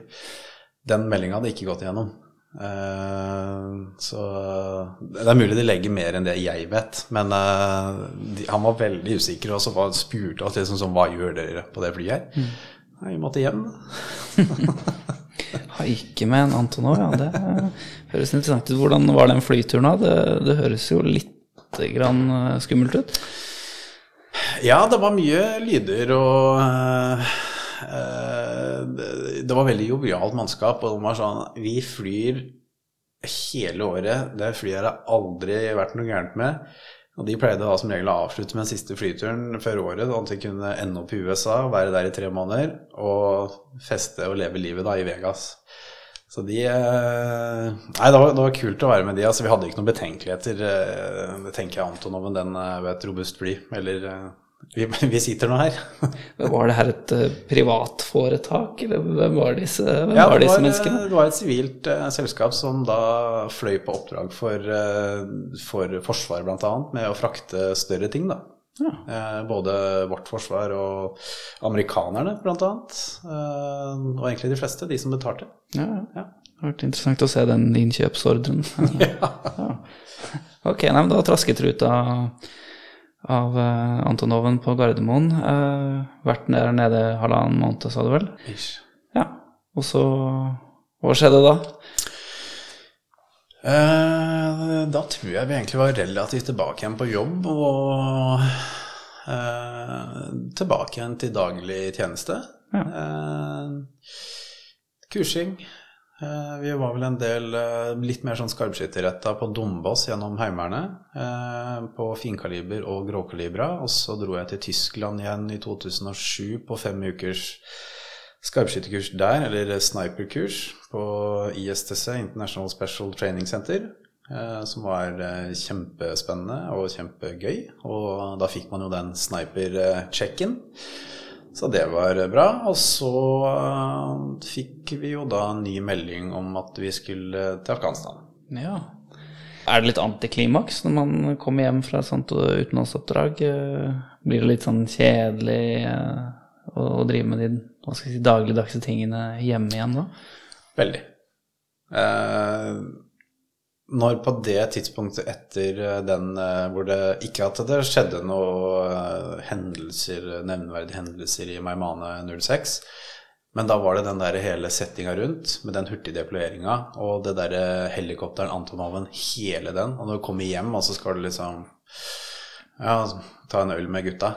Eh, Med sivile kompisene, og de snakker om ja, jeg fikk se på eksamen, og er sånn Ok. Jeg, er sånn, jeg, hadde, var, jeg følte liksom ikke noe trang eller til å lempe ut om det jeg hadde drevet med. Og det var litt sånn, Hvordan skal jeg fylle da fritida mi eh, med, for å få tilfredsstilt mine behov sånn eh, adrenalinmessig? Eh, og fant ut at jeg må bare dra tilbake igjen, egentlig. Så, eller så fort det kommer noen nye muligheter. Eh, Jeg får ikke påvirka det sjøl noe videre, men eh, ja. Du var hekta? Da, på det tidspunktet, så var jeg hekta. Ja. Du, du begynner jo å ha fått et par uh, utenlandsturer og en liten erfaringsbank på det tidspunktet der. Eh, kan du huske noe tilbake om du tenkte noe på hva er det som er viktige ting neste gang? Hva har jeg lært? Hva bør jeg ta med meg videre? På det tidspunktet etter eh, den Maimane-turen, så, så eh, Man blir jo litt mer uh, første jeg kan nevne, er liksom med pakking. Eh, du får en pakningsplan, eh, men når du har vært en del, eh, fått deg to runder ute, så begynner du da kanskje å ta en vurdering på trenger jeg ha med feltspaden, trenger jeg ha med det, eller kan jeg heller ta med det? Velferdsting, skal jeg ha med PC-en min? Skal jeg ha med sånne ting, og heller være litt mer selektiv på den måten? Eh, erfaringsmessig sånn hvordan man løser oppdraget, så tror jeg en blir Man får en evne til å skru av bryteren når man kan skru av bryteren. Eh, Kabul så var det veldig påskrudd hele tida. Første reis og forventa at eh, nå skal du smelle hele tida. Eh, samme egentlig litt med Mano pga. settinga. Eh, men samtidig, så når du ligger inne i leiren og du vet at du har en ytre corden som passer på deg, at du da klarer å slappe av, og da evner å skru om når det da trengs. Så jeg tror egentlig det er det viktigste sånn oppdrags... For du kan ikke være påskrudd 24-7, da går du i kjelleren.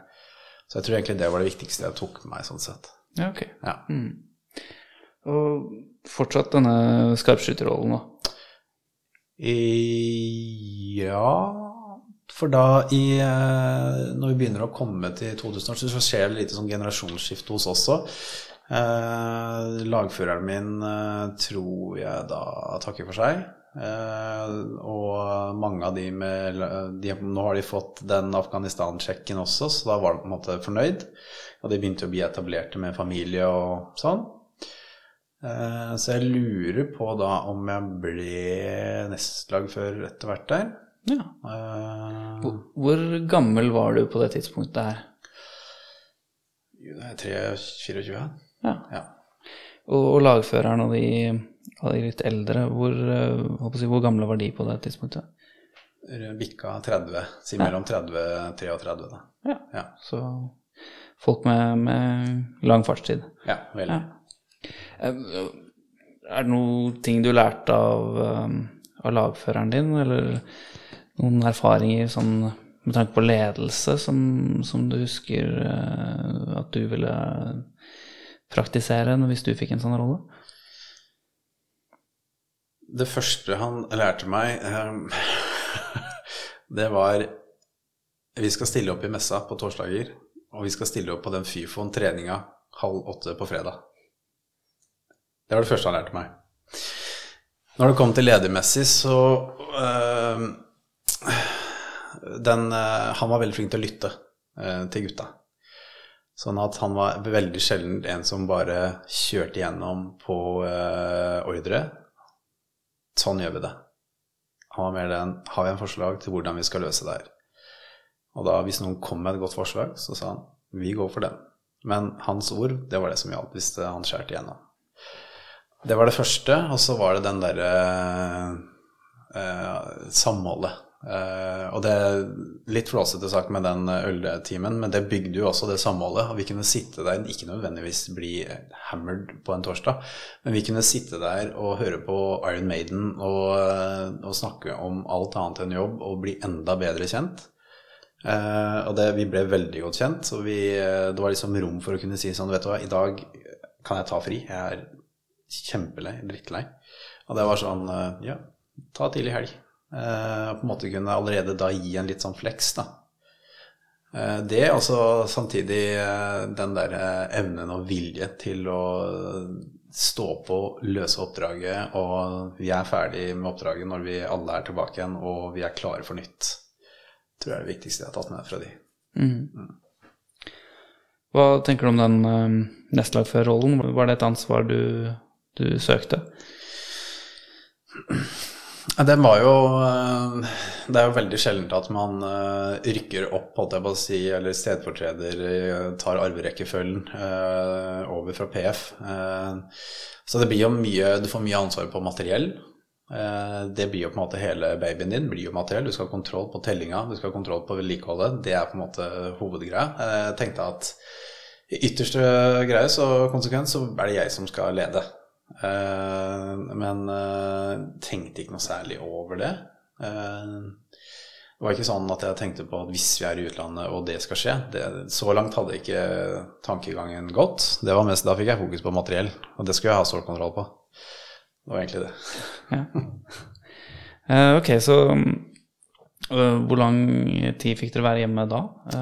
etter den andre turen? Vi ser fra 06, februar, mars der, så var vi hjemme til eh, 2008. Ja. Ja. Så da fikk dere en eh, god periode. Da fikk vi en periode med kurs og bygge opp nytt lag igjen, da. Mm. Eh, og så var det da For da hadde både leiren i Mes blitt oppretta, og de hadde flytta leier fra banken til eh, rett ved siden av flyplassen i Meimane, da. Eh, Så da var det å starte oppsetning til den perioden. Ja. Da skulle vi ut som skarpskytterlag først. Eh, og så eh, Jeg valgte jo tidlig å kunne ta recap, eh, fordi det var eh, kontingenter på tre måneder. Og så kan, eh, kunne jeg da velge om å ta rekap for tre nye måneder. Da. Men kontingenten i seg selv var egentlig tre måneder før eh, det ble utskiftninger. Mm. Så da ble jeg seks måneder. Ja, ok. Ja. Ehm, var det noe som skilte seg ut eh, den gangen fra de tidligere turene? Da landa vi i eh, For da var jo første task-uniten som var der, det var jo oss. Og da fikk vi oppdraget om å flytte hele materiellbiten og verdens lengste kolonne mellom Mes og Meymaneh. Og når vi kjører ut i landskapet, det er, ikke det noe by. Det er eh, ruralt, det er øde, det er ørken. Eh, og allerede da, så fra det grønne frodige som jo var i 06, eh, det var borte. Jeg tror jeg aldri har kommet tilbake igjen heller. Men det var liksom et helt annet landskap. Det begynte allerede da å bli et mer opprør. Taliban begynte å konsolidere seg, begynte å forsterke seg litt. I hvert fall i sør og i eh, sørøst, nede i Kandahar spesielt. Eh, Sånn at eh, da satt vi litt mer på feelinga at nå er vi litt inne i en annen del oppdragsportefølje enn det vi har vært tidligere.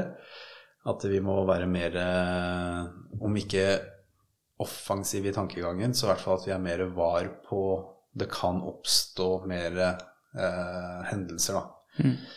Og det hadde vel også vært de oppdragene i 2007 med Harikatiolo-oppdragene og de offensivt retta eh, mot Gormak og sånn. Eh, så vi visste jo at det hadde skjedd ting. Eh, ja, så vi hadde vel en litt, eh, gjort oss opp en litt mer offensiv eh, klargjøring mentalt når vi dro fra Norge, eh, og trente mye mer retta på de ta eller slå fiendeoppdragene. Når vi kommer ned, så handler det jo veldig mye om å komme seg på plass, og task-uniten er litt sånn Vi har en task-uniten, eller vi har jo en task-unit, men hva kan vi bruke dere til? Så det ble egentlig veldig mye patruljering. Eh, og da hadde vi også fått eh, i hvert fall noen i Vekor. Eh, og noen hadde jo gitter MB, eh, men eh, vi var jo mye mer bedre rusta for eh, alvorlige situasjoner. Da. Merket du det på noen måte, denne endringen fra, fra de tidligere turene? Hvordan trusselbildet var kanskje eskalert litt? Grann? Ja. eh, man levde Det var mye streng Altså vi, Før, så, eh, som jeg sier, 06 så kunne vi gå rundt i gata. Noen var eh, sinte, men 90% var hyggelige. Det var en helt annen stemning i byen. Byen var kanskje greit, men når vi så fort vi kom utafor landsbyen, så var det mye stygge blikk. Det var mye mer eh, prat på eh, samband hos de lokale, eh, som garantert meldte inn hvor vi var. Vi så mye flere folk på høydene. Og eh, spesielt da mot eh, Almar, eh, lengre vest, og eh, i går, mot Gormak-området så var, kjørte vi over den magiske grensa som vi egentlig ikke hadde lov til å krysse, så kom det til å smelle. For det var jo en eh, borg, høyborg, holdt jeg på å si, for Taliban. Ja. Hva, hva tror du var, var årsaken? Altså, hovedårsaken til at uh, trusselbildet var endret seg? Du nevnte disse karikaturtegningene, men det var vel ikke bare, bare de? Nei, da er vi eh, langt forbi det.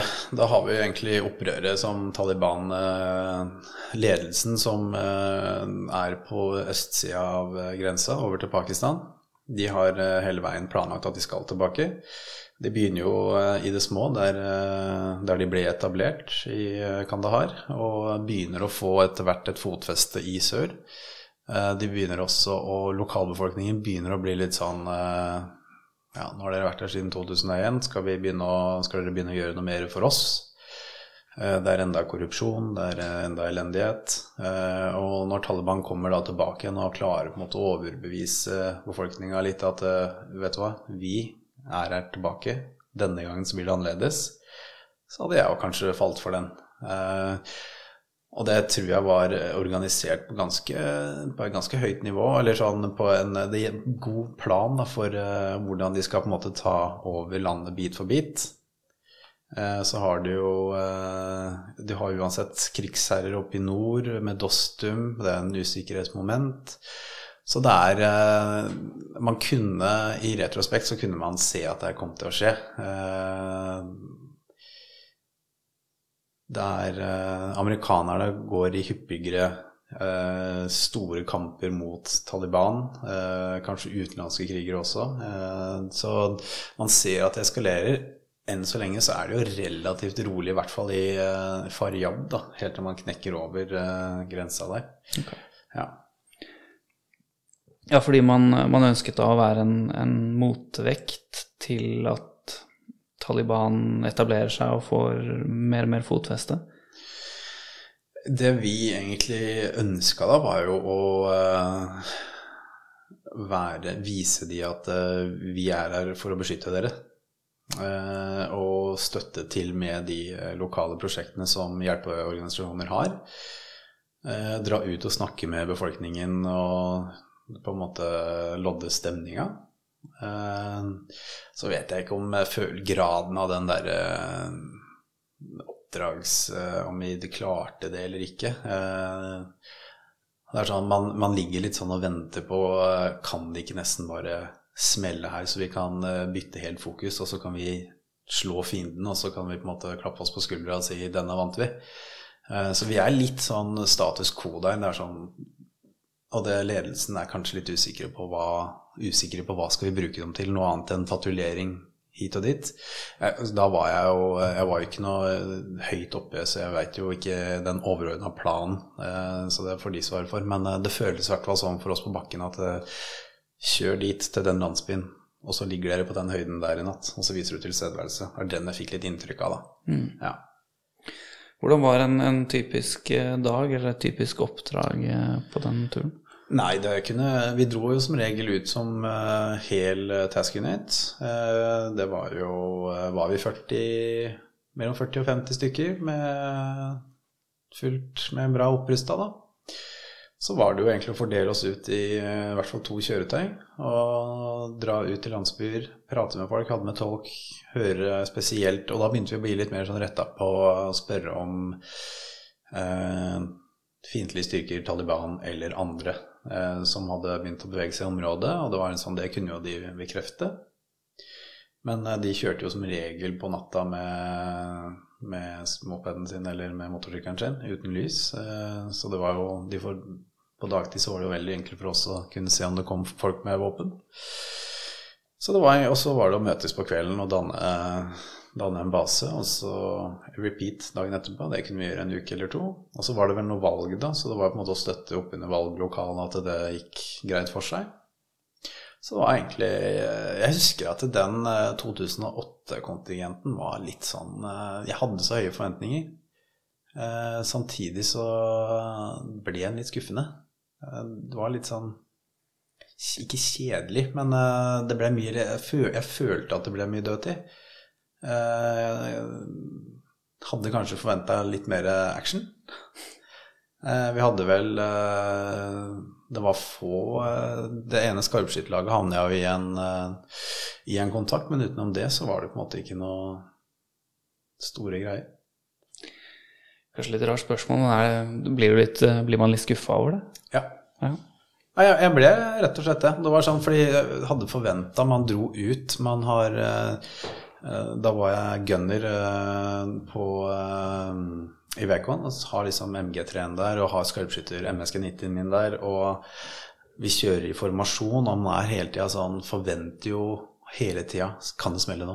Kan det smelle nå? Men så ender du opp med å kjøre i 40 grader i 18 timer, og det er sånn nå har jeg drukket 12 liter vann, nå orker jeg ikke mer. Og nå er jeg på min femte amerikanske stridsrasjon, og milkshaken der, jeg spyr snart. Og det er sånn, kan jeg bare dra inn i camp og ta meg en dusj? Eh, Så litt sånn eh, Kanskje litt store forventninger til den turen, og så ja, ble det litt kjedelig. Ja, Du nevner amerikanerne, hvor vi har vært inne på det et par tidligere episoder. Eh, Hva slags inntrykk eh, fikk du av dem? Da var det jo eh, For da var ikke den amerikanske basen der, men eh, da var det spesialstyrker som var innlosjert i eh, campen vår. De var jo cowboyer. De kjørte Jeg tror det var fra Green Bray. Det var en kul gjeng da, med kjempeskjegg og capsen bak fram og sivile klær. Og ratta rundt med hummeren sin med dødningshode girspaker og fikk jo flydropp med mat og proviant med Herkulesen. Og de dro jo, eh, kjørte jo ned i den hensikt for å ta ut eh, Taliban, høye skikkelser, da. Ta ut eh, HVT, High Value Target. Så de hadde jo en helt annet operasjonsmønster enn det vi eh, kunne tillate oss. Og det var, vi er jo regulære styrker. De er jo på en måte gjør mest mulig skade, og så tar vi det derfra. Eh, De var dyktige for all del, men eh, de også var veldig klare for en fest på kvelden, da. Det var de. Ja. Eh, Da ble det seks måneder totalt, sa du, eller ble det tre? Da ble det tre pluss tre, da. Tre pluss tre. Ja, ja seks måneder. Ja. Og da er vi, vi er i 2008. Ja, vi dro vel i mai og var tilbake like før jul, da, hvis jeg husker riktig. Så si 2009, da var jeg ferdig med ferie og, og den biten der.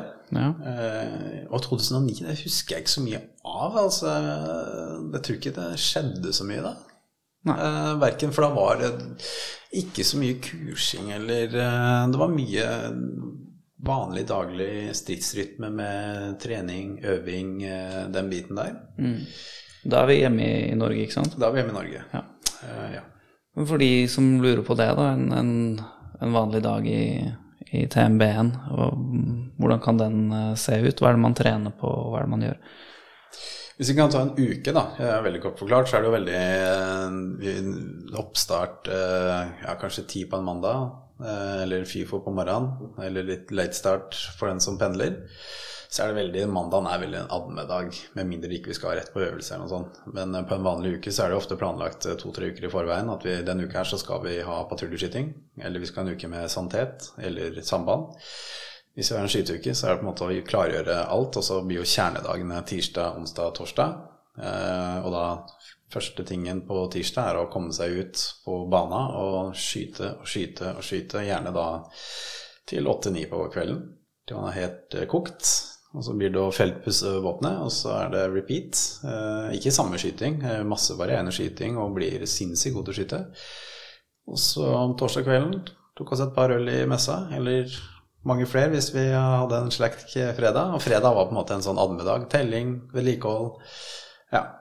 Eh, Så kunne uka etter være helt annerledes. Kanskje hele troppen skulle ha SIBO-trening og trene med strid i bebygd område, eller eh, MOBO, som det heter nå. Eh, eh, Så da holdt vi på med det. Men det er litt sånn årstidsstyrt òg, da. Våren, senvåren var veldig sånn Da skal vi holde på med den SIBO-biten.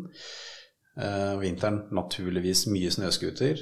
Og like før sommeren så pleide vi å ha mye LTK-kjøring, eller eh, ATV-kjøring, for å trene oss opp på det. Og så var det jo den vanlige bataljonsøvelser må vi gjennom. Og så mm, kanskje egne troppsøvelser. Kanskje vi skal, en uke så skal eh, to papa ligge i OP i tre dager, og så skal det se et, eh, skje et scenario rundt det. Så det var veldig variert. Det var aldri kjedelig. på en måte. Det var, fantes ikke noen kjedelige uker, med mindre ikke du skulle sitte på sambandet en uke og trykke, da. Ok. Ja.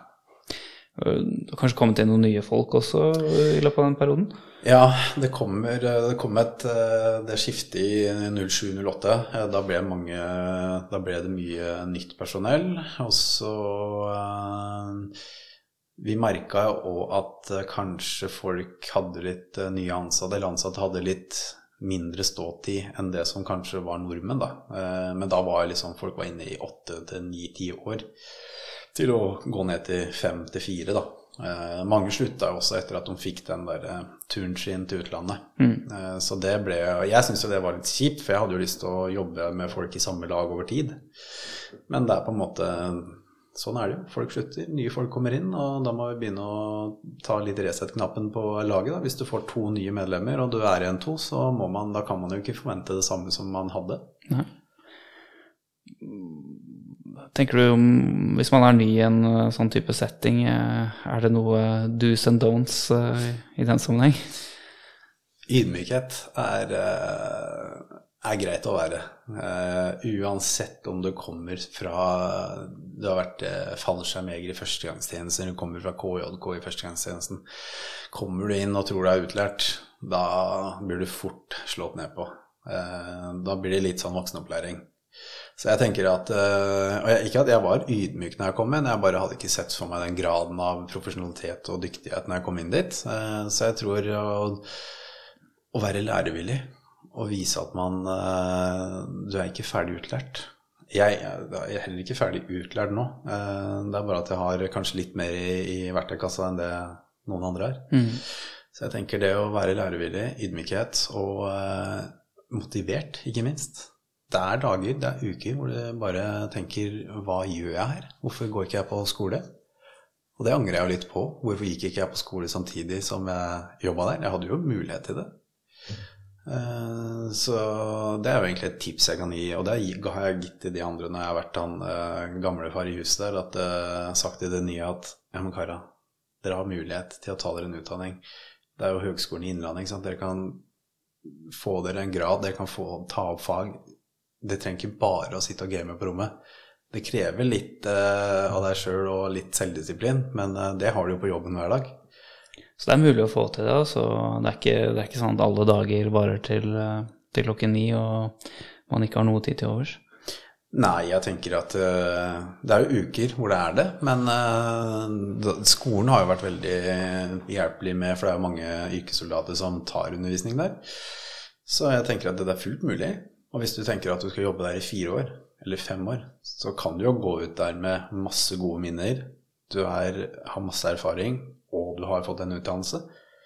Så hvis jeg skal ha gjort én ting på nytt i Forsvaret sånn sett, så ville jeg ha valgt meg en karriere eller en eh, utdanning mens jeg var aktiv. Mm. Men hva slags tanke gjør du deg på den tiden, da? Med eh, veien videre? Eh, hva har du lyst til? Eh, videre karriere? Hva, hva tenker du rundt det?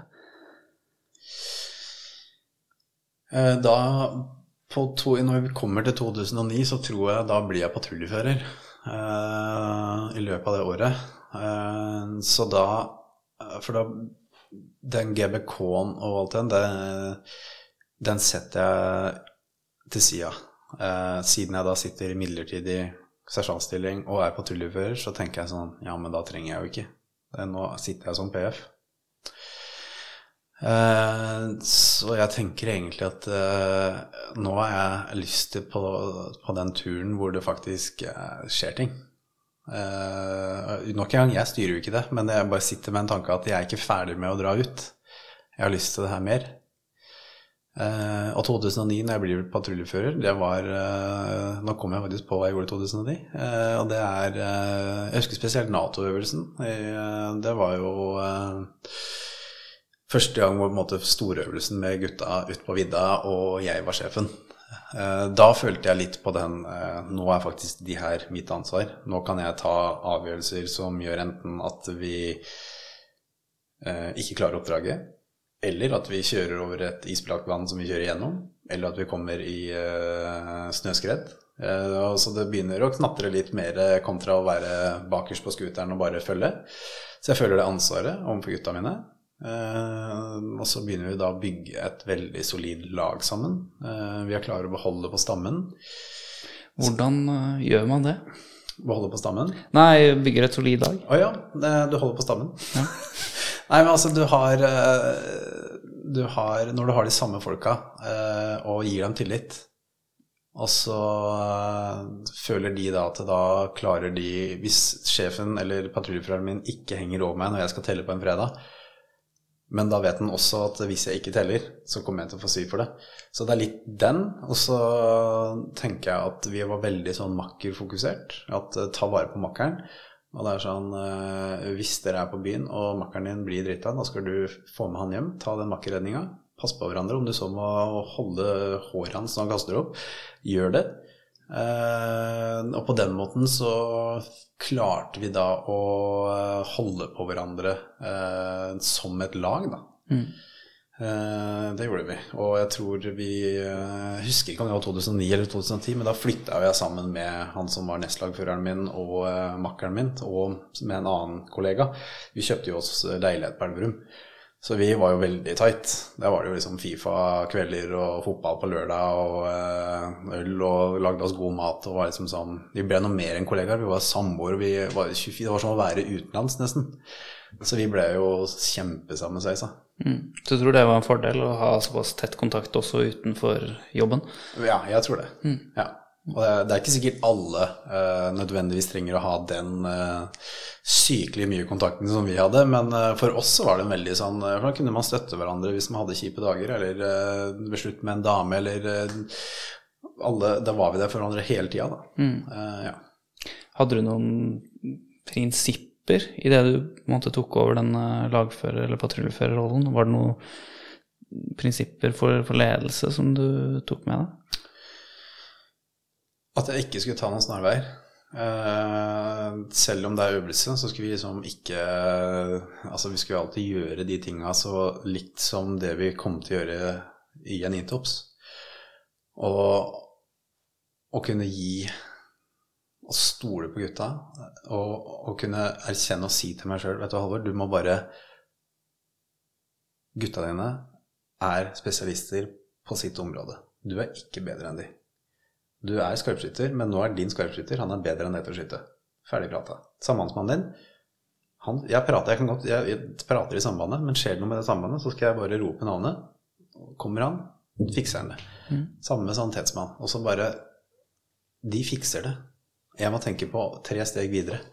Og det er på en måte litt forskjellen eh, Jeg skal ikke trenger ikke å si forskjellen, men det er litt sånn eh, i oppklaringsmiljøet, når man er så få mennesker, men har så stor kan ha så stor påvirkning på en operasjon at du må ha øynene på målet eh, om fire timer. Og hvis du ikke har det, så mister bataljonen hele eh, situasjonsforståelsen sin for hva som er i området. Og den, den kjente jeg på at eh, Nok en gang den derre fullføre oppdraget. Som vi så at eh, normalt så har du kanskje litt tid i etableringsfasen når du skal lage deg en observasjonspost til å etablere og kanskje få i deg noe mat. Men det er sånn, eh, og andre ganger så må du bare gønne på og ta en risiko og tenke at greit, vi kan enten klare det her med en høyere grad av risiko, eller så må vi holde oss i, eh, i beredskapen som gjør at vi eh, ikke kommer fram, men vi blir heller ikke sett. Så da må du veie de opp mot hverandre. Og det var sånne avgjørelser som jeg likte å gjerne ta sammen med gutta og spørre om råd. Og kanskje tenke litt på det i noen minutter, og så bare Nei, vi kjører på. Går vi i kontakt nå og blir tatt ut, så blir vi tatt ut. Da har vi prøvd. Eller at vi, det er ikke verdt det. Så eh, det er på en måte den lederskapslinja jeg har prøvd å, å kjøre.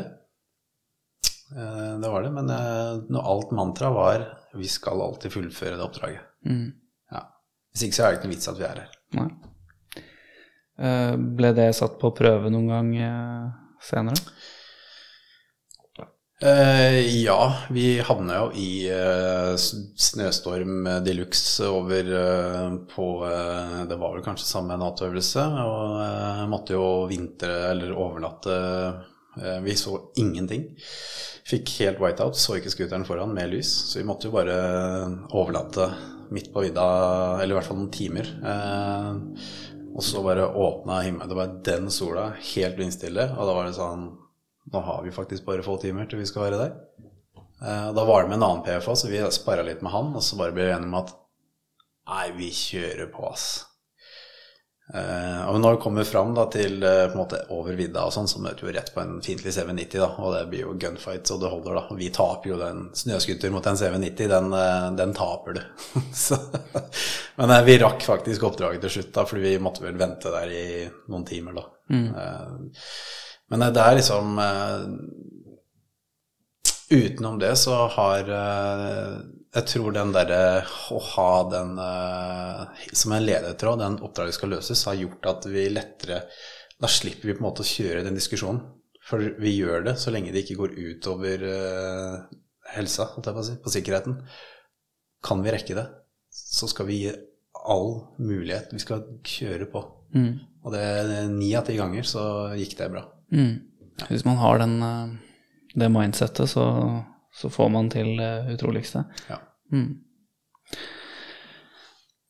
det var kanskje et utenlandsoppdrag til som begynte å materialisere seg i horisonten? Ja, det var eh, 2010 eh, var neste. Så egentlig når eh, våren 2009 begynte å bli rolig, og da hadde vi jo eh, folk ute i, eh, fra andre avdelinger. Ene, Vi hadde jo folk fra oss som var ute, for det ble litt sånn adhoc satt sammen. eh, For de hadde behov for noen skarpskyttere, og eh, det var en lagfører fra oss eh, som måtte bli med ned. Eh, og vi begynte da Da skulle jeg bli nestlagfører eh, i eh, den kontingenten i 2010. Og da var lagføreren vår, han som skulle bli lagføreren vår, han var jo ute når vi drev med oppsetting. Så vi trente Og da begynte den oppsettingsperioden å bli veldig bra. Da var det liksom flere uker, eh, om ikke måneder, med et fast spikra opplegg. Alle skal innom den bolken der. Alle skal være et så på nivå på skyting, sanitet, eh, samband. Eh, og det var en sånn avsluttende øvelse, da. Hvor man skal bli testa litt, eller godkjent, da. Var det vanskelig å få bestått der? Nei, egentlig ikke. Men øvelsen i seg sjøl var Jeg tror vi var på Haltdalen da, oppe i nesten ved Trøndelagen, og den var jo veldig bra lagt opp. Da hadde vi jo på en måte sånn eh, De hadde lagt opp med gravende eksplosiver foran oss, vi fikk liksom virkning av jorda som spruta opp, og vi skulle ha overskyting på ingeniørene som drev og klarerte vei, og vi skjøt med 12 mør over de, og så jeg husker at det syns jeg var veldig Jeg satt igjen med sånn derre Wow, nå har vi faktisk blitt bedre. Ja. Eh, og da begynte jo situasjonen å tilspisse seg. Det gjorde det jo i 2009 ja, men eh, 2010 òg, da begynte det å bli ganske uh, heftig.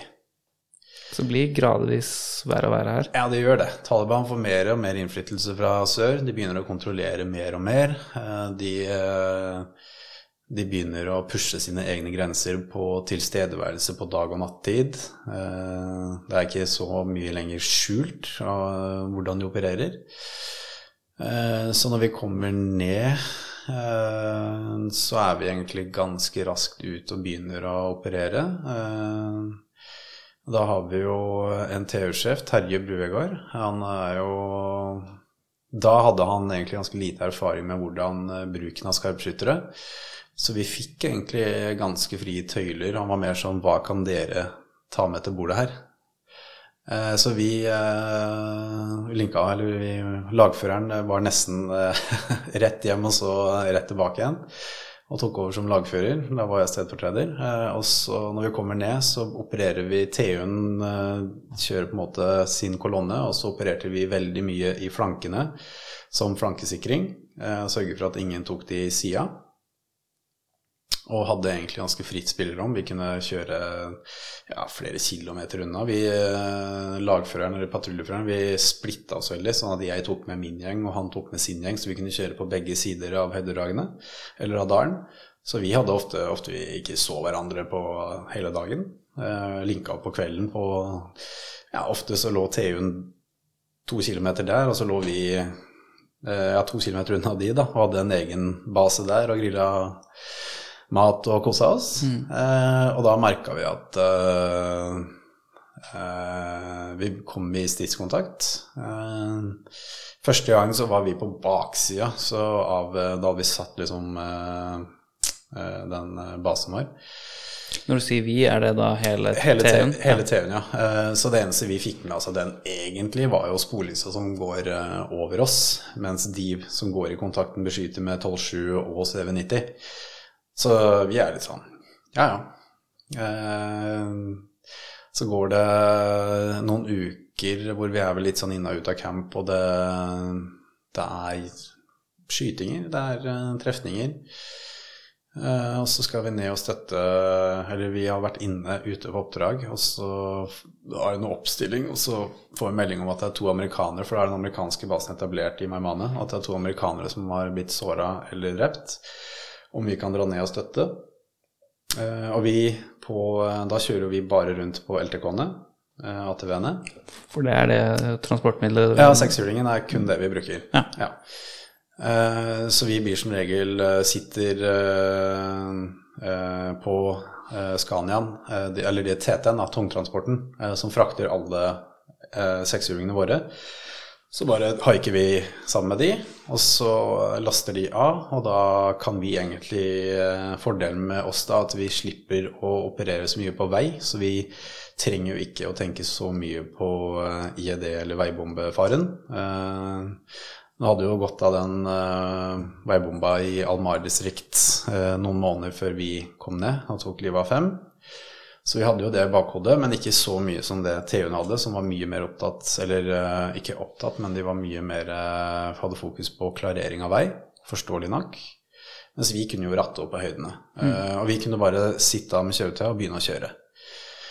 Eh, så når vi kommer ned til området på, langs eh, Ringveien, der det er en asfaltvei som går gjennom store deler av landet, så setter vi av og kjører uh, egentlig for Gowie fra Terje.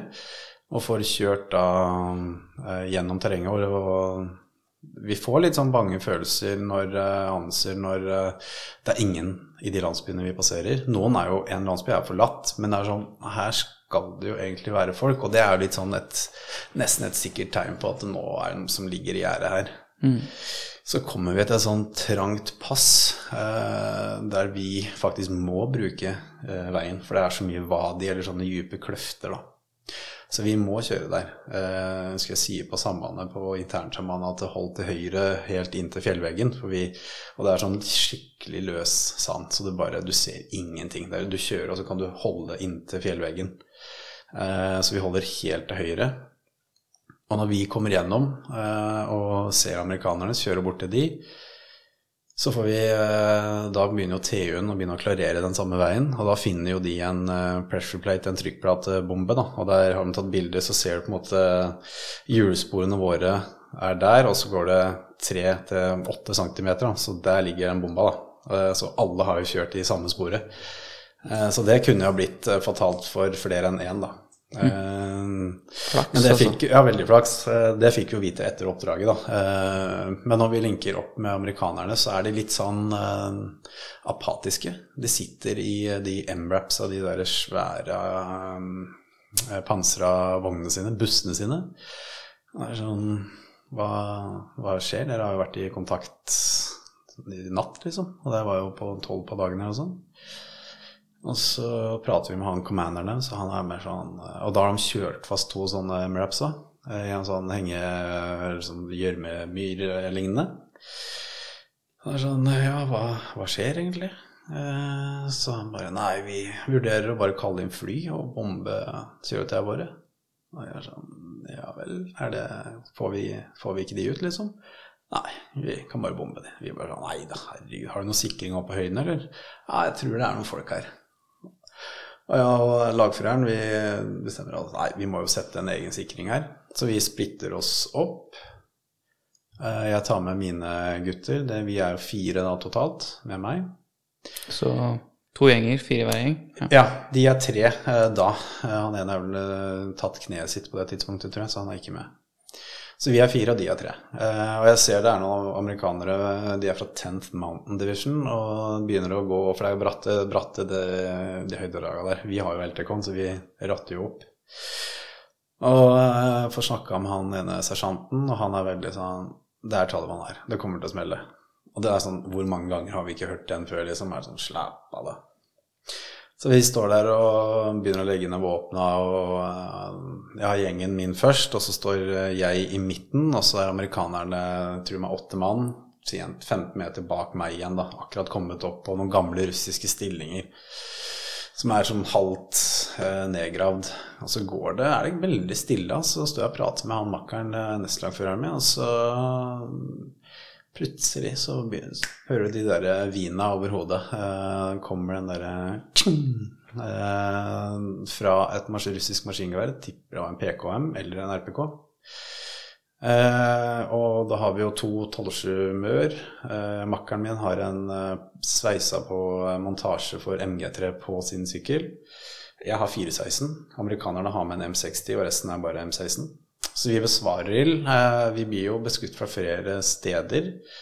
rundt sykkelen min, så jeg har jo klart å legge meg nesten i den gamle russiske sti som tydeligvis de har skutt seg inn på. Eh, for der hamler det jo eh, med kuler rundt. Jeg begynner å åpne ild med 416, men finner jo at avstanden er i hvert fall 700. Det er sånn Jeg treffer ingenting. Så jeg, min jobb er på en måte å lede striden og melde inn hva som skjer til sjefen. Eh, Så jeg bare egentlig kaster våpenet bak i eh, eh, sekshjulingen min. Det er sånn, Den har jeg ikke bruk for. Og egentlig dirigerer det som skal skje både med amerikanerne.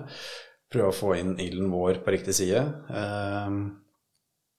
Og det varer jeg, Altså, tid er jeg veldig usikker på. Om det tar 5-10-15 minutter. Jeg husker at det virka som det gikk veldig lang tid. Og vi bare fikk meldt ifra på kontakten. Fikk, eh, amerikanerne var veldig forsiktige med å besvare ild. Så jeg måtte jo kjefte på de. Eh, få opp M60, for de hadde vært så eh, Hadde fått klare ordre om de skal være helt sikre før de kan besvare ild, pga. at de har hatt en del incidenter med både blue on blue, eh, altså de skyter på egne styrker, og at de har vært litt eh, lette på avtrekkeren. da. Så den satt litt langt inne, men så ga jeg ordren, og da var det, var det nesten så han bare Ok. Så da åpna de ild, og så eh, er jeg litt usikker, men jeg mener at det er et fly, et jagerfly, som er på vei fra Kandahar opp til nord, opp til Bagram, som hører Troops in Contact, som da kommer over med et eh, gunrun, og da tar ut mest sannsynligvis de eh, som angrep oss, da. Eh, for det blir i hvert fall veldig stille. Knappenålstille. Adrenalinet slår, er skjelven, har på en måte ikke jeg tror, jeg tror ikke jeg rakk å bli redd der og da når det skjedde. Da var det mer instinkt som slo inn. Eh, mitt instinkt først og fremst, det var å besvare ilden og egentlig treninga som kicka inn. Eh, etter alle de timene med trening så var det på en måte mest normale. Skyter noen på meg, så skyter jeg tilbake. Så enkelt er det. Og så kicka den derre patruljeførermentaliteten inn. Nå skal jeg løse oppdraget, og hva skal til for at jeg løser oppdraget? Jo, da må jeg få inn Da må noen vite hva som skjer. Mens gutta mine fikser jobben der framme. Amerikanerne de får på en måte seile sin egen sjø, men det er godt å ha de der. Når vi får snakka litt med amerikanerne, og vi bonder jo veldig, da Nå har vi liksom vært eh, in the shit together. Eh, så kommer han der lagføreren, sergeant Carr, og så kommer han bort og roper han på han ene, og så bare Snu deg rundt. Og han, og han er kar som sto sånn meter til høyre for meg omtrent, under kontakten. Eh, Så snur han seg, så drar han opp eh, ryggplata. Da har han fått en eh, prosjektil som går ca. en centimeter fra der ryggplata slutter. da. Så han har jo hatt veldig flaks, og den må jo ha passert relativt nærme mitt eh, hode, da. Så Hadde han ikke merka det selv, eller? Nei, han ikke umiddelbart, men så hadde han liksom sagt ifra eh, Jeg tror han hadde sagt ifra sånn og roa seg at eh, Kjente noe i ryggen, liksom. Eh, så da var det da han så det, da. Så han ble sendt ned og fikk henta en ny plate, og så var det rett tilbake igjen. Men da husker jeg at vi på kvelden her, så ting hadde jo roa seg. Hadde, hele TU-en, Task Uniten, hadde kommet. Vi hadde jo Ingen ville angrepet oss. Var det hele Ingen. Da var jo mange folk. Så vi banda veldig med amerikanere, som jeg nevnte, og kjørte en nordmann med en amerikaner da, på hele, gjennom hele natta. Eh, litt fordi jeg, jeg, jeg stolte jo ikke på amerikanerne. Jeg veit jo ikke hvem han personen er, så jeg vil ha en av mine egne. Eh, så dagen etterpå så dro jeg ned. Eh, Makkeren min styrte showet oppå med sikringa, og så dro jeg ned til de M-rapsa. Og da sa han De her får vi ut. Eh, fikk inn eh, ingeniøren og alt sånn, og starta det apparatet. Og var, eh, kom inn med bergere og full pakke og eh, tømte de M-rapsa. Skjærte ut seter. Jeg sto der og skjærte ut seter og kasta ut, og sambandet bare pælma ut. Var det norske folk som hjalp til, eller var det amerikanere? Jeg bare sa, eh, for de der, de satt der bare og spiste MRE, feltrasjonen sin. Så når da nordmennene kom, så snakka jeg med han ingeniøren, og så bare han og vi bare De her skal vi redde, de, var, de bilene her. Og da bare tok jeg LTK-en min, så bare ropte jeg til amerikanerne begynn å rive ut alt her, og så lemper jeg det på LTK-en min, så skal jeg kjøre det tilbake igjen til over den myra. Så for å gjøre de lettere, da? og- Ja. ja. Ja, eh, Så gikk det noen timer, og så kom jo Jeg tror det er noen berger, om det ikke er TT. Jeg tror jeg er berger. Eh, og får jo, Vi bruker jo lang tid, det er masse å gjøre med, men vi får jo de vognene ut, da.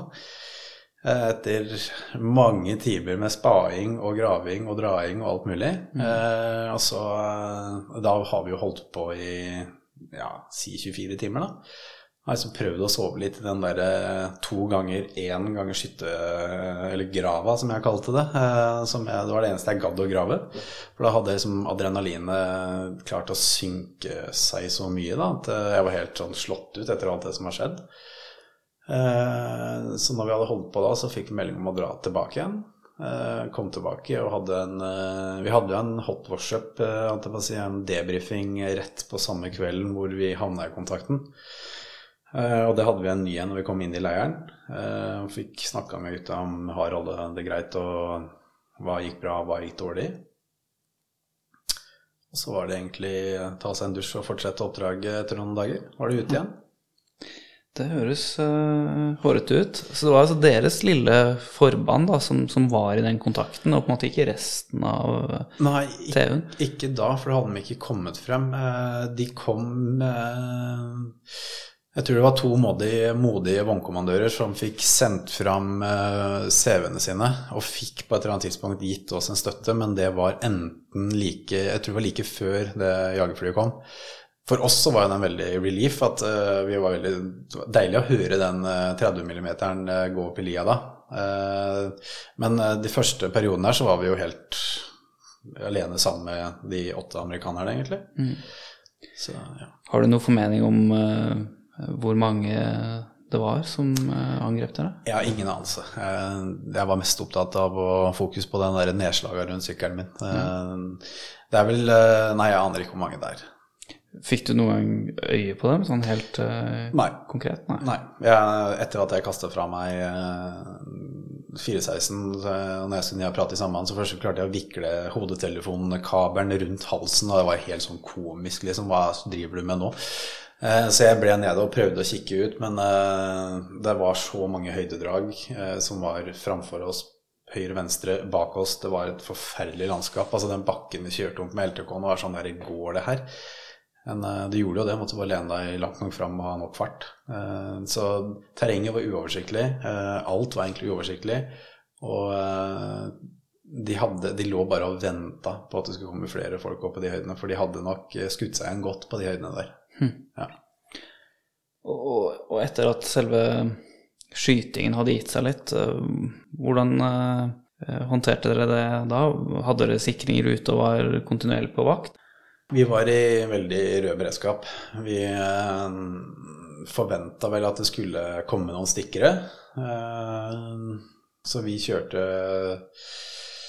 med stridsvest på og to mann på vakt og eh, ja. Det var, det var ikke mye søvn den natta. Det var det ikke. Men vi var skal jeg på å si, kjempeslitne pga. adrenalinet opp og ned. Jeg tror det bare var helt tomt for det lageret. Men uh, samtidig så var det sånn uh, Det er derfor vi hadde to på vakt. Uh, for å kunne ha noen å prate med og litt den biten der. Så jeg tror, jeg tror det var ikke så mange som ville legge seg til å sove heller. Hvis du skjønner hva jeg mener. Eh, Det er mye tanke, en tankeprosess som starter. Jeg skal lå der i den grava mi og så opp liksom, på stjernene og tenkte sånn Ja, det her er jo en ny dag i livet mitt som jeg ikke har vært igjennom før. Jeg lå liksom og tenkte kunne jeg gjort noe annerledes? Nei, men alle har jo det fint. Vi eh, vant den der. Nå må vi bare nullstille og fortsette i morgen. Eh, ja, Og gjengen klarte seg greit, Kjempe. de andre gutta? kjempebra. Mm.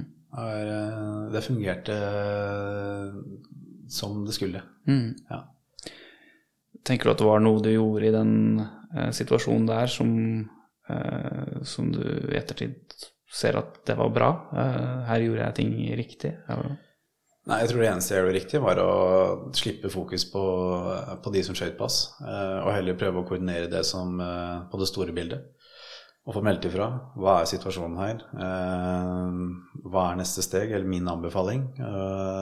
Og egentlig stole på at gutta gjør jobben, noe som de gjorde. Eh, og så er det på en måte den jokeren som er amerikanerne, men så lenge de skyter i riktig retning, så er jeg fornøyd. Mm. så det var egentlig den viktigste avgjørelsen jeg tok da, var bare å Selv om det er kult å avgi ild eh, mot noen som skyter på deg, jeg må være så ærlig å si det, eh, så gjorde det ingen, ingenting for seg. Worst case så hadde jo jeg fått en i eh, hodet, og da Min nestlagfører hadde jo tatt over, men uh, han opererte jo uh, MG-trent, maskingeværet, som eh, var desto viktigere. Ja. Så slags uh, læring å ta, ta et par steg tilbake og få, få overblikk og få, få meldt ifra. ja. Det tror jeg absolutt er. Det var vel slik eh, at denne episoden her munnet ut i en medalje, stemmer det? Ja, stemmer. Hvordan gikk eh, det til? Eh, nei, jeg jobba på ambassaden og jeg fikk telefonen. Men eh, det var vel eh, TU Task Unit-sjefen som hadde innstilt meg på den. Det var pga. det lederskapet som eh, Det at jeg tok de stega bort, da, og eh, egentlig fokuserte på eh, koordineringa, eller ledelsen om du vil, kontra det å bare skyte. Ja. Ja. Eh, Hvor lang tid etter var det du fikk den medaljen? Etter selve episoden? Det her var 2010, var det fem år etter? da? 2015? Ja. Ja. Hvordan, hvordan var det å få en sånn anerkjennelse? Eh, rart. Jeg, jeg gjorde jo jobben min. Eh, eh, så jeg følte egentlig at eh, alle gutta skulle ha fått det. Eh, nå fikk jo jeg inn fordi at jeg leda de. Eh, og det var på grunn av de at det gikk så bra. Eh, så jeg var litt veldig ydmyk og selvfølgelig stolt og alt det der. Men eh, for meg så var det egentlig bare en eh, tegn på at jeg fungerte i den rolla er, eh, der og da. Så det var ikke noe sånn at jeg tenkte i ettertid at nå, Alvor, nå gjorde du det, nå var du skarp, nå var du flink. Det Nei. Gjorde bare jobben. Jeg tenkte som det her er kun jobben min. Uh, ja. Og det var altså krigsmedaljen du fikk? ja, stemmer. Var det stor eh, seremoni og pomp og prakt når eh, selve utdelingen kom?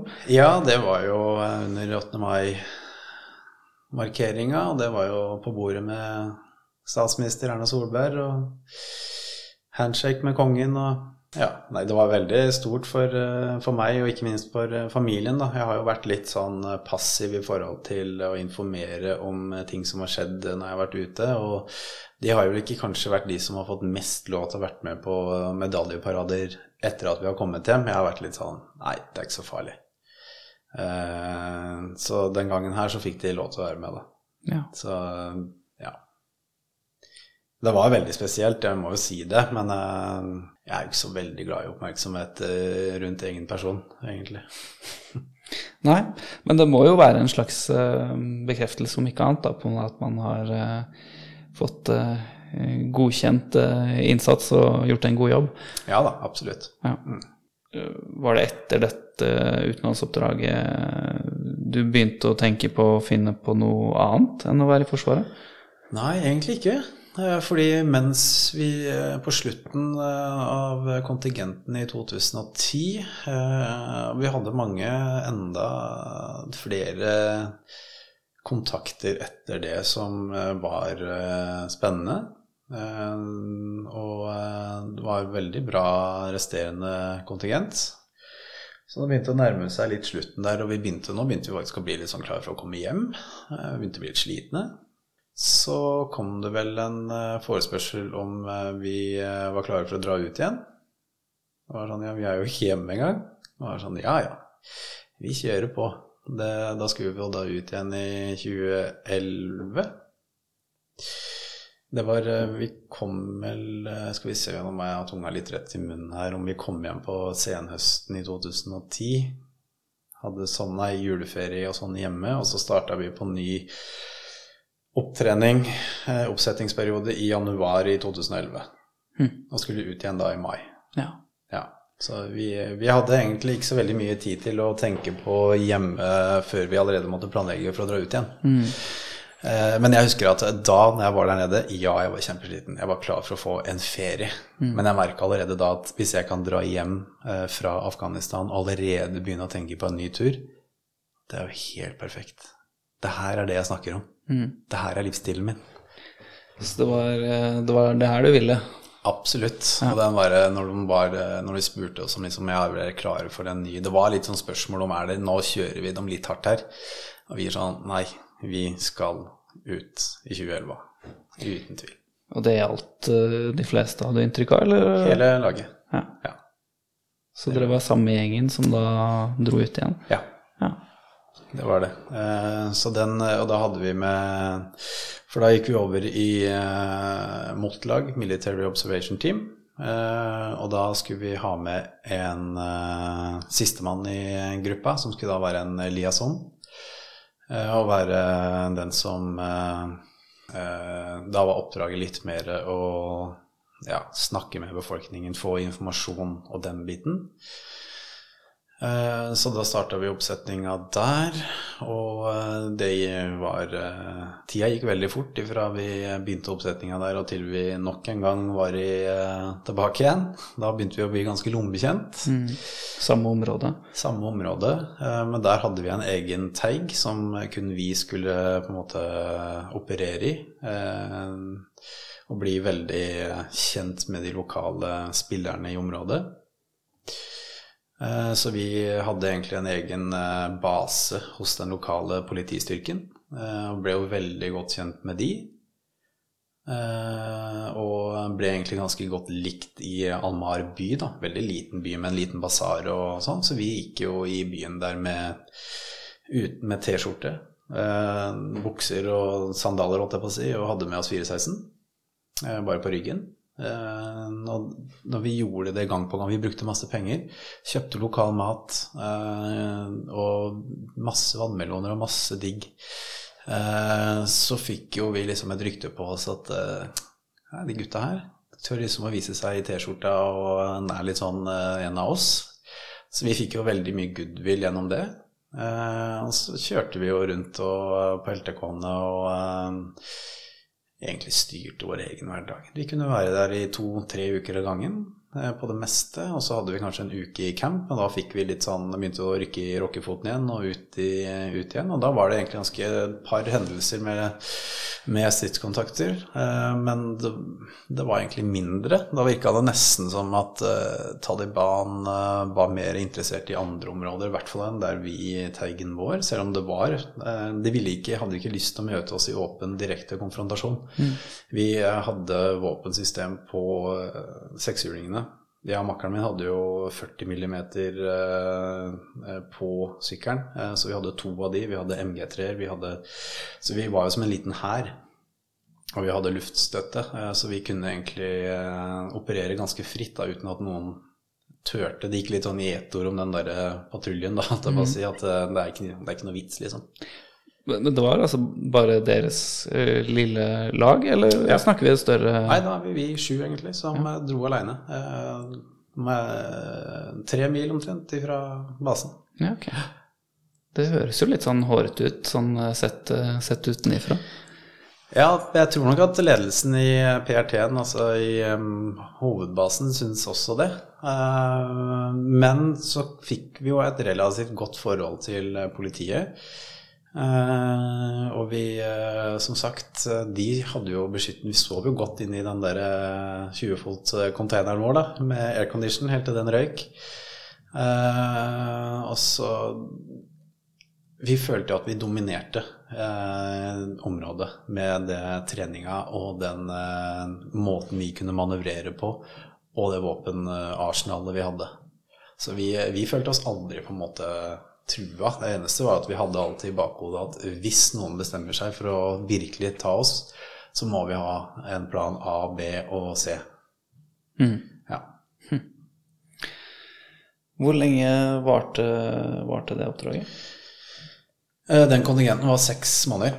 Ja. Ja, så dem var eh, Av alle kontingentene så var, eh, om ikke den mest sånn eh, spenning i form av stridskontakter, så var den veldig Altså det er jo den frieste, mest sånn Da får du nesten litt følelsen av at du bor Vi gutta, vi bor der uten noen andre, da. Mm. så den, den var veldig spennende. Mm.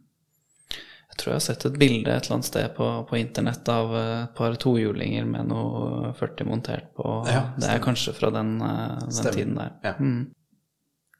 Er det noen uh, inntrykk uh, ellers som har brent seg fast fra, fra den tiden?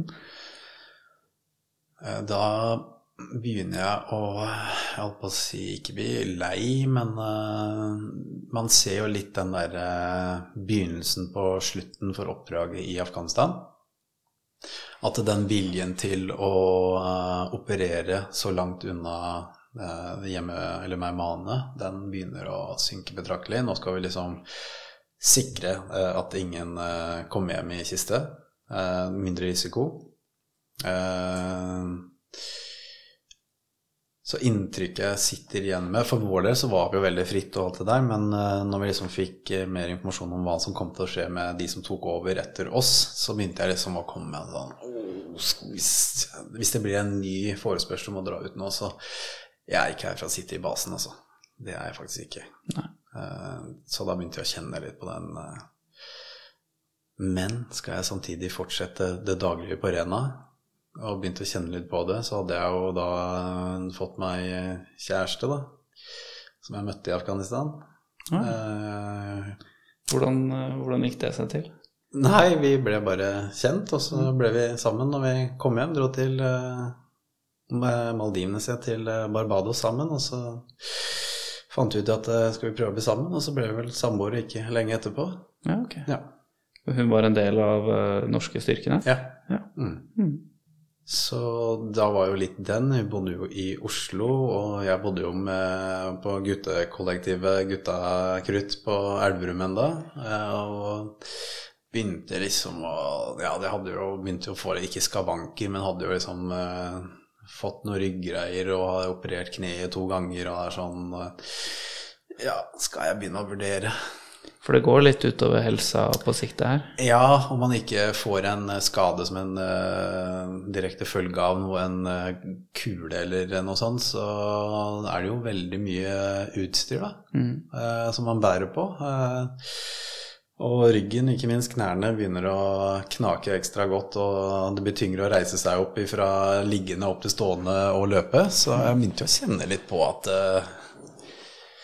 det begynner å bli litt tungt der. Eh, og så tenkte jeg som sånn, det må kanskje begynne å slippe litt yngre krefter til. Og så er det jo selvfølgelig hva skjer etter exit Afghanistan?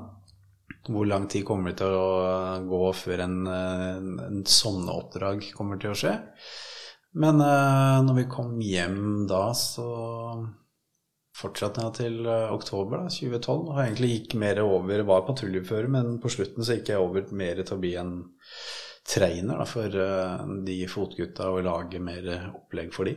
Mm. Så tok makkeren min over som lagfører på patruljen. da. Mm. Men da var det ikke like mange forespørsler som kom inn lenger om å, om å dra ut igjen? Nei. Og da, og da etter den 2011 så var vi jo ganske freda. Da var det sånn nå skal de være hjemme. Okay. Eh, og det var for så vidt helt greit for oss, eh, tenker jeg. Selv om det var litt sånn snakk om eh, rett etter om eh, rekap og sånn, men det var sånn nei, nei, nei. Være hjemme, da. Ja, ok. Ja. Så holdt på å si Var den Du var litt eh, mett, altså? Ja, litt metta. Eh, og da begynte jeg å bli eh, klar for nye utfordringer. Eh, så var jeg jo kjempeusikker fordi på det tidspunktet her så har jeg jo videregående på navnet mitt. Jeg har masse erfaring, skarp erfaring. Jeg kan jobben min inn og ut. Elsker det jeg gjør, men samtidig så begynner jeg å merke at er det ikke da på tide å prøve noe nytt når man kan mestre jobben? Ikke ferdig utlært, men akkurat den jobben eh, som PF, da, den, eh, og det er liksom begrensa når du går ut på eh, øvingsfeltet på Rena, og du, det er nesten så du slipper å finne fram kartet når du får en uh, grid fordi at du vet hvor det er hen. Eh, da mener jeg at da, da er det kanskje på tide å si takk. Ja. Ja. For de som lurer på det, hvordan, hvordan er lønnsnivået? Altså, hvordan er det mulig å leve av dette her på sikt? I hvert fall som en som ikke har utdanning.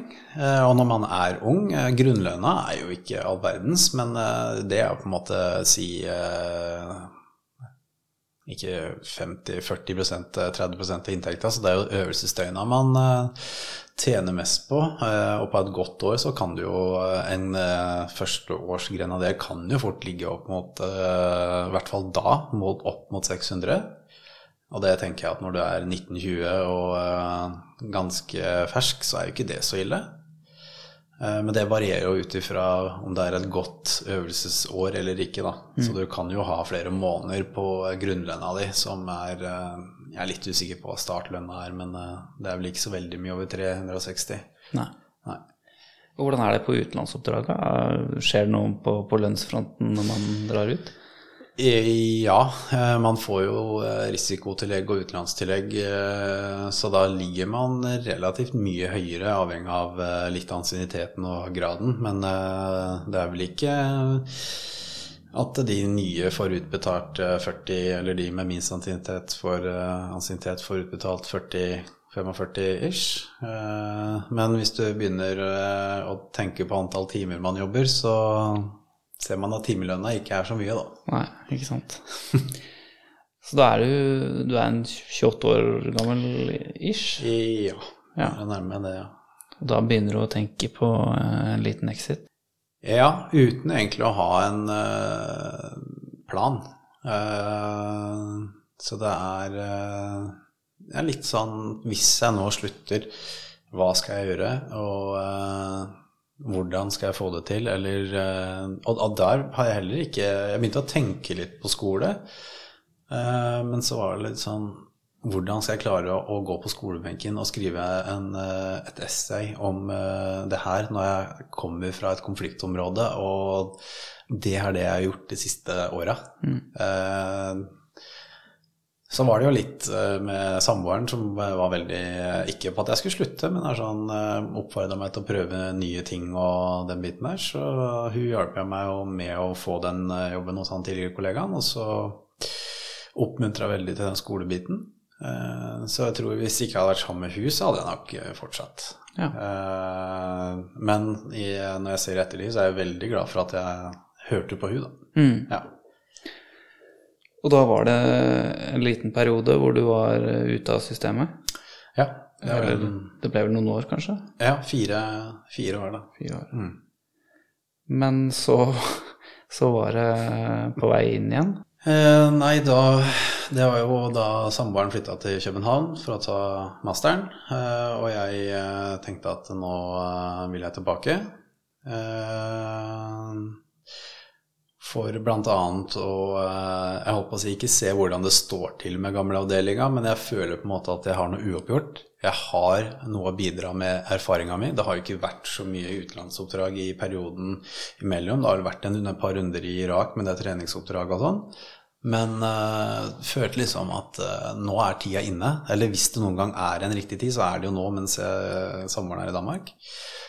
Uh, og da var det jo veldig spesielt å begynne på igjen i oktober. Jeg begynte jo først i uh, MEK3, uh, mekanisert uh, infanterikompani 3.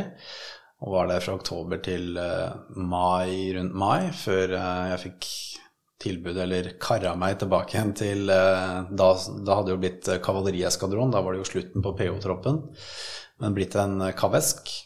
Og fikk da tilbud om å bli trainer, da, eller treningsinstruktør for fotgjengen der. Ja.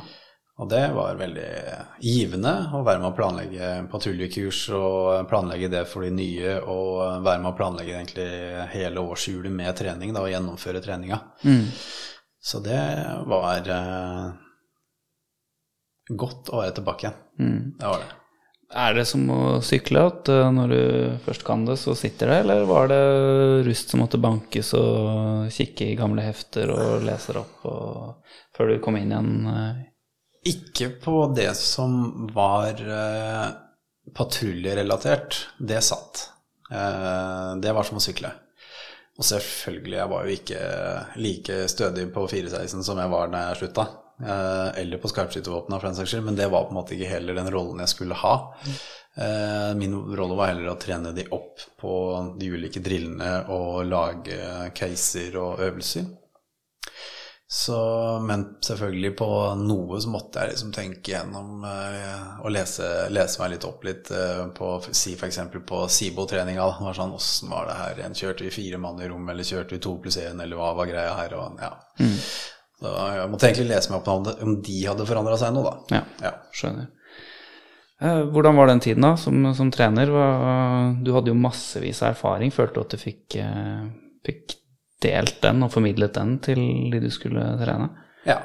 Eh, Det var masse dyktige folk der, men eh, jeg føler at de var åpne for mine innspill, og jeg fikk hadde stor tillit av, eh, av sjefen. Eh, Så jeg fikk eh, gjennomslag for de eh, tingene jeg hadde lyst til å få gjennomslag for. Og måtte ta noen saker hvor jeg tapte. Men sånn er det jo. Det viktigste for meg var egentlig det patruljekurset, at det ble levende og var en god sak for alle som starta hos oss. da. Og det ble det jo den dagen jeg slutta i 2020. Så følte jeg at da var det riktig å gi fra seg pinnen, da. Så du savna du noe utenlandstur og sånn de, de fire årene der? Jeg kunne ha tenkt meg en eh, Eh, mest for å kunne eh, ta et sjekk på Irak. Uh, det var liksom ikke så mye som Det var jo ikke sammenlignbart med Afghanistan anno 2010. Uh, det var jo ikke sånn type operasjon. Det var jo mer mentorering og den biten der. Det kunne jo vært spennende, det, men egentlig ikke så Jeg hadde slått det litt Ikke vokst fra meg det, eh, misforstå meg rett. Jeg lå liksom opp og tenkte på Kan ikke bare ha fått meg en sånn tre, tre måneders da, eller en seks måneders, det gjør ingenting. Samboeren er borte, jeg kan eh, styre sjøl, og så kan jeg bare Nå er jeg så voksen at nå kan jeg faktisk spare opp noe penger her. Men eh, jeg slo det litt sånn fort fra meg at det Nå får de unge kjøre på med den, så får jeg holde meg her hjemme. Da var du grand old man i avdelingen. Ja. Hva er det viktigste du kommer til å ta med deg videre fra, fra tiden i Forsvaret? Det tror jeg Det er mange ting, eh, men eh, det viktigste er nok den der eh, arbeidsmoralen. Eh, Litt i eh, samhandling med den fullføre oppdraget, og dra den over i sivile. At hvis når jeg får en arbeidsoppgave, så løser man den, og at man blir kreativ på hvordan man løser arbeidsoppgavene, og heller ikke Altså man ser ikke problemer, men man ser løsninger. Eh, om det så er at du eh, går utafor komfortsona di og snakker med noen som er helt fjernt for deg, eller om du eh, ser på kreative måter på å løse et problem, uavhengig er hvilken jobb det er. Eh, Det tror jeg For man blir kreativ og jobber i Forsvaret hvis man har lyst til det, hvis man tør å være kreativ, for det er lov å feile. Eh, Og samtidig den eh, hvordan man skal være mot andre. Eh, behandle folk med respekt og lytte til andre. Jeg syns det er veldig mye lite lytting eh, når jeg har vært på andre arbeidsplasser. Eh, det er veldig mye høyre-venstre, eller ikke høyre-venstre, men sånn er det. Dun, dun, dun. Eh, jeg er mer sånn lytte til folk. Og eh, fordi andre har mye mer kunnskap på meg enn andre ting. Ja. Man skulle jo nesten tro at det var litt eh, motsatt hvis man sammenlignet med det sivile. At eh, det var mindre, mindre lytting i, i en forsvarskontekst enn enn i det sivile. Men din erfaring er litt uh, motsatt også. Min er det, og jeg er jo, etter å ha vært i Forsvaret i mange år, så er jeg li, har vært ganske lite militær av meg. Eh, Jeg har ikke vært eh, disiplin og alt sånn, ja, men jeg har vel vært litt eh, Noen har vel hevda at jeg har vært litt eh, sjuskete i uniformen og litt langt hår og skjegg og vært litt sånn eh, Kanskje ikke den beste garnisons, eh, garnisonssoldaten. Eh, Så jeg har vært litt mer i den joviale typen som eh, ikke nødvendigvis er veldig høy og mørk, da. Så det er noen eh, positive ting du kan dra med deg inn i det sivile eh, som du har fått fra Forsvaret? Ja. Ja. Og for, Forsvaret har jo vært og forma meg gjennom hele så å si eh, 20-årene. Det har jo det. Til jeg har blitt en voksen mann. Eh, så jeg har på en måte kjørt mye av eh, den voksenopplæringa som har gjort meg til den jeg er i dag. Da, med hvordan jeg angriper arbeidsoppgaver, eller eh, hvordan jeg løser eh, problemer. Og veldig sånn eh, blitt veldig sånn i forhold til eh, materialistiske ting. Jeg er sånn Knuser jeg telefonen min, så det er sånn, jeg bruker ikke flere dager på å bli så sint over det. Jeg tenker sånn, ja, ja, den er ødelagt, da kjøper jeg meg en ny en. Eller så må jeg ha en ødelagt telefon til jeg får råd til å kjøpe meg en ny telefon. Det er liksom litt uh, der, da. Mm. Det er mer fra erfaringen jeg har sett, uh, spesielt eller da i Afghanistan, da. Er det noen, uh, noen uvaner fra, fra de mange årene i Forsvaret som, som du har slitt litt med å riste av deg? Man blir jo eh, paranoid en god stund etterpå. Men eh, Store folkemengder er eh, ikke å foretrekke. Jeg elsker ikke storholdssenteret ved jula, for å si det sånn, eller på en torsdag i mai. Eh, veldig bevisst på hvor man setter seg når man er ute og spiser. At man har kontroll på utganger, og gjerne ha ryggstøtte, eller ha solid ryggdekning. Og kollektivt Jeg tror jeg det svært sjelden setter meg ned, men heller må stå ved utgangen og er sånn veldig analyserende på folk. I hvert fall i de første åra etter eh, 2012-perioden.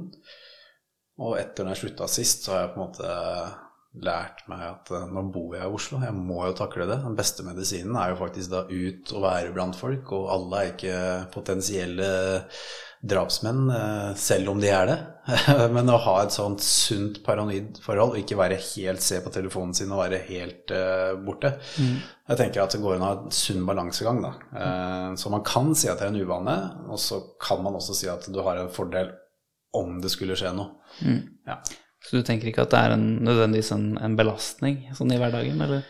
Det var en belastning eh, for samboeren når vi skulle ut og spise, og hun satte seg ned Jeg måtte si sånn Der må jeg sitte.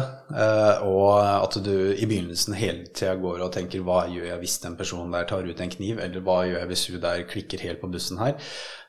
Da blir det slitsomt. For du kan ikke ha det fokuset hele tida. Da er du jo eh, sliten når du har vært nede på Kiwien 50 meter nede i gata. Eh, Så den er jeg bare nødt til å slippe. Men uh, den henger innimellom, så får jeg en liten sånn derre nå, må jeg- nå må jeg følge med. Uh, men gjennom åra har jeg på en måte lært å kunne nyte det og bare slippe den derre paranoide tankegangen, da. Så det er, du tenker at om, om ti år så har det kanskje gitt enda mer slipp? Ja, Ja. det tenker jeg. Mm. Hvordan er det med si, den mentale helsen? Den, eh, vi har jo vært, vært litt inne på det, men eh, er den eh, god etter, etter de tingene du har vært med på? Ja. Det har jo kanskje etter noen Når vi var liksom bodde sammen på kollektivet, holdt jeg på å si, og var veldig mye ute og hang sammen veldig mye, så ble det jo Det ble jo en del alkohol. Eh, Mimra og uh, snakka om ting og sånn. Og så, men det fordelen var jo at vi hele tida hadde hverandre. Vi hadde makkeren. Satt der. Eh, og utenom det så har det egentlig gått fint. Og jeg tenker de minnene fra de eh, situasjonene som kunne ha gjort noe, endra min livssituasjon, om jeg hadde kommet hjem i kiste eller ikke, tenker jeg ikke så mye på. Eh, For meg har det på en måte vært eh, litt sånn eh, en erfaringsbank rikere. Jeg har blitt klokere av det. Jeg har eh, mitt eget liv mye mer. Så jeg tenker at Og det kunne ha gått andre veien. Jeg kunne ha vært sterkt ramma av det, og jeg vet jo ikke om det kommer til Det kan jo skje om i neste år eller om fem år òg, at jeg plutselig begynner å få mareritt om det og, og den biten der. Men da har jeg altså nære eh, Jeg har enda masse Makkeren min er jo bestekompisen min, han er jo, skal være forloveren i bryllupet mitt. Og eh, nære sivile venner som eh, forstår hva jeg har vært igjennom, og samboeren som har vært i Forsvaret sjøl, har egentlig for hun å sette seg inn i det. Og familien er som de og forstår det, så jeg tror at hvis det skal skje, så har jeg apparatet, da. Mm. Ja. Um, du har jo vært, eh, vært i Forsvaret lenge. Hva slags mindset er det som, som har funket for deg, tenker du? Og, hva vil du gi av tips til, til folk som skal inn i forsvar og kanskje se for seg en karriere der? Hva er det som, er det som har funket for deg? Det første jeg tenker, er ikke tenk som det jeg gjorde når jeg tenkte fallskjermjegeren. Eh, ha et åpent sinn, og hvis man har lyst til å fallskjermjegeren, så kjør på for all del. Uh, men ikke bli skuffa hvis man ikke kommer inn. Der finnes så mye andre bra avdelinger. Så ha et åpent sinn. Forsvaret er stadig i utvikling. Du får eh, grønn, god tjeneste over hele landet. Jeg hadde jo gått for Hæren, selvfølgelig. Må jo promotere de. Eh, og den derre ikke være redd for å drite seg ut eller være redd for å gjøre feil. Eh, jeg har vært eh, litt den eh, Ikke flink pike-syndromet, men jeg var veldig opptatt av at ting hele tida skulle være perfekt. Eh, men du blir sliten av det òg, så noen ting må du bare gi slipp på. Så jeg tror bare det å ha liksom den Forsvaret er Førstegangstjenesten er det det er.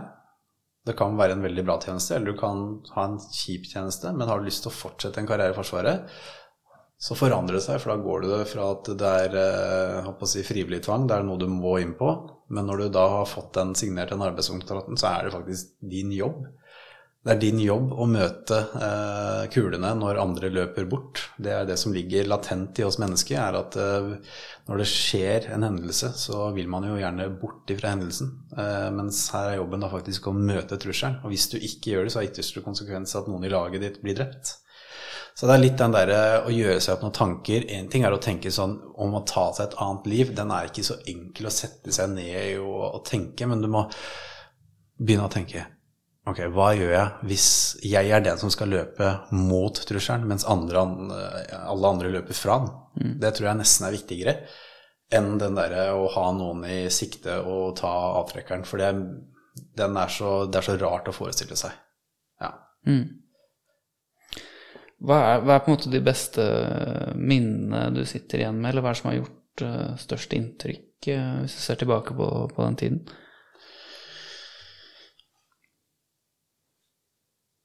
Det er litt som eh, favorittseriene våre, eh, Band of Brothers. Du blir, uh, det, blir, det er et eget brorskap. Eh, man får venner for eh, livet. Man får et samhold som man ikke møter på noen andre arbeidsplasser. Det er en arbeidsplass, men det er en livsstil det man driver med. Eh, og du må eh, den der eh, når du har ligget oppå hverandre i flere uker, og du hater trynet på makkeren din eller noen i laget, og så bare krangler dere så busta fyker, og så går det fem minutter, så er det sånn der ah, Sorry, ass. Ja, vi tenker ikke på det. Og så er vi tilbake igjen. Det er det som jeg sitter mest igjen med. Det er alle de jeg jobba sammen med. Eh, Og fra hele den tidsperioden, da, fra 2002 og fram til 2020, så har det på en måte vært en å se eh, de som jeg eh, starta med da, og det nivået på soldatferdighetene det er, altså, det er jo det samme da som det er nå. Altså, de er, det er kanskje bedre utstyr og alt sånn eh, nå, men de er krigere. De alle jobber for det samme målet, og det er liksom veldig godt å se at uh, treninga og den der stå-på-viljen og den der eh, gutsen til å gjennomføre, den er lik som den var for uh, 20 år siden, eller 18 år siden. Og det, det syns jeg er uh, kult å, å se på. Da. Mm. Mm. Um, så hvis du skulle fått valg om å, om å gjøre hele karrieren eh, på nytt igjen, ville du, ville du gjort det? Hadde ikke tvilt et sekund. Ja, det er jo eh, betryggende å høre. Det høres ut som du har vært gjennom eh, veldig mange både interessante og, og spennende ting. Har du noen tips eh, til slutt, eller noe råd for folk som vurderer en karriere innen Forsvaret? Jeg tipper det er greit å være i god form. Jeg trenger ikke nødvendigvis å ha gått eh, flere mil i uka med, med sekk. Uh, Da får du heller kombinere det med en friluftstur og gjøre en fjelltur og på en måte ta det den måten. Men å løpe sånn massivt før et opptak eventuelt. Jeg tror eh, Så lenge grunnstammen er der, så klarer man seg. Eh, Så tror jeg det å, eh, å være forberedt på at eh, du kommer til å få kjeft for ting som du føler du ikke bør få kjeft for. Og sånn er det bare. Man skal jo på en måte bygge deg litt ned, og så man ser om du tåler å bli kjefta på. Og så skal vi bygge deg kjempemye opp igjen. Eh, og da tror jeg det bare lønner seg å ha en sånn ydmyk eh, approach, og så heller ikke nødvendigvis eh, søke så mye oppmerksomhet 'se på meg, se hva jeg har gjort', men være den derre i mellomsjiktet. Gjør jobben, hold kjeft og yt. Gode tips der. Helt uh, til slutt, um, har du noen boktips til de som uh, trenger uh, noe å lese på? Eh, ja, ikke, ja, nå er jeg nettopp ferdig med fire bøker av eh, Bull Hansen som heter Jomsviking. Eh, nå er jeg ikke jeg noen sånn viking eh, til Valhall eh, nødvendigvis, men det er en veldig kul bok. Eh, og så er jeg nettopp ferdig med Et lovet land med Obama. Eh, kanskje ikke sånn prept i hvis du skal inn i Forsvaret, men eh, det er jo en bok av eh, Dave Grossman som jeg holder på å lese nå, som jeg har begynt på sikkert ti ganger, som heter On Combat. Som er veldig i forhold til det jeg nevnte litt med om å søke motstriden der andre løper bort, og hvordan eh, kroppen da reagerer på eh, stridsreaksjoner. Så den kan være interessant. Den er ganske tung, eh, så det er nok de tre bøkene eh, som jeg anbefaler nå for øyeblikket, i hvert fall. Ja. Den siste har jeg faktisk, eh, faktisk lest. Bedt meg merke i sånn pusteteknikker og, og noe rundt det. Ja. Ellers, er det noe du brenner inne med som vi ikke har fått uh, prate om i løpet av de snaut eh, tre timene vi har sittet der? Nei, jeg tror uh, jeg har fått sagt det meste.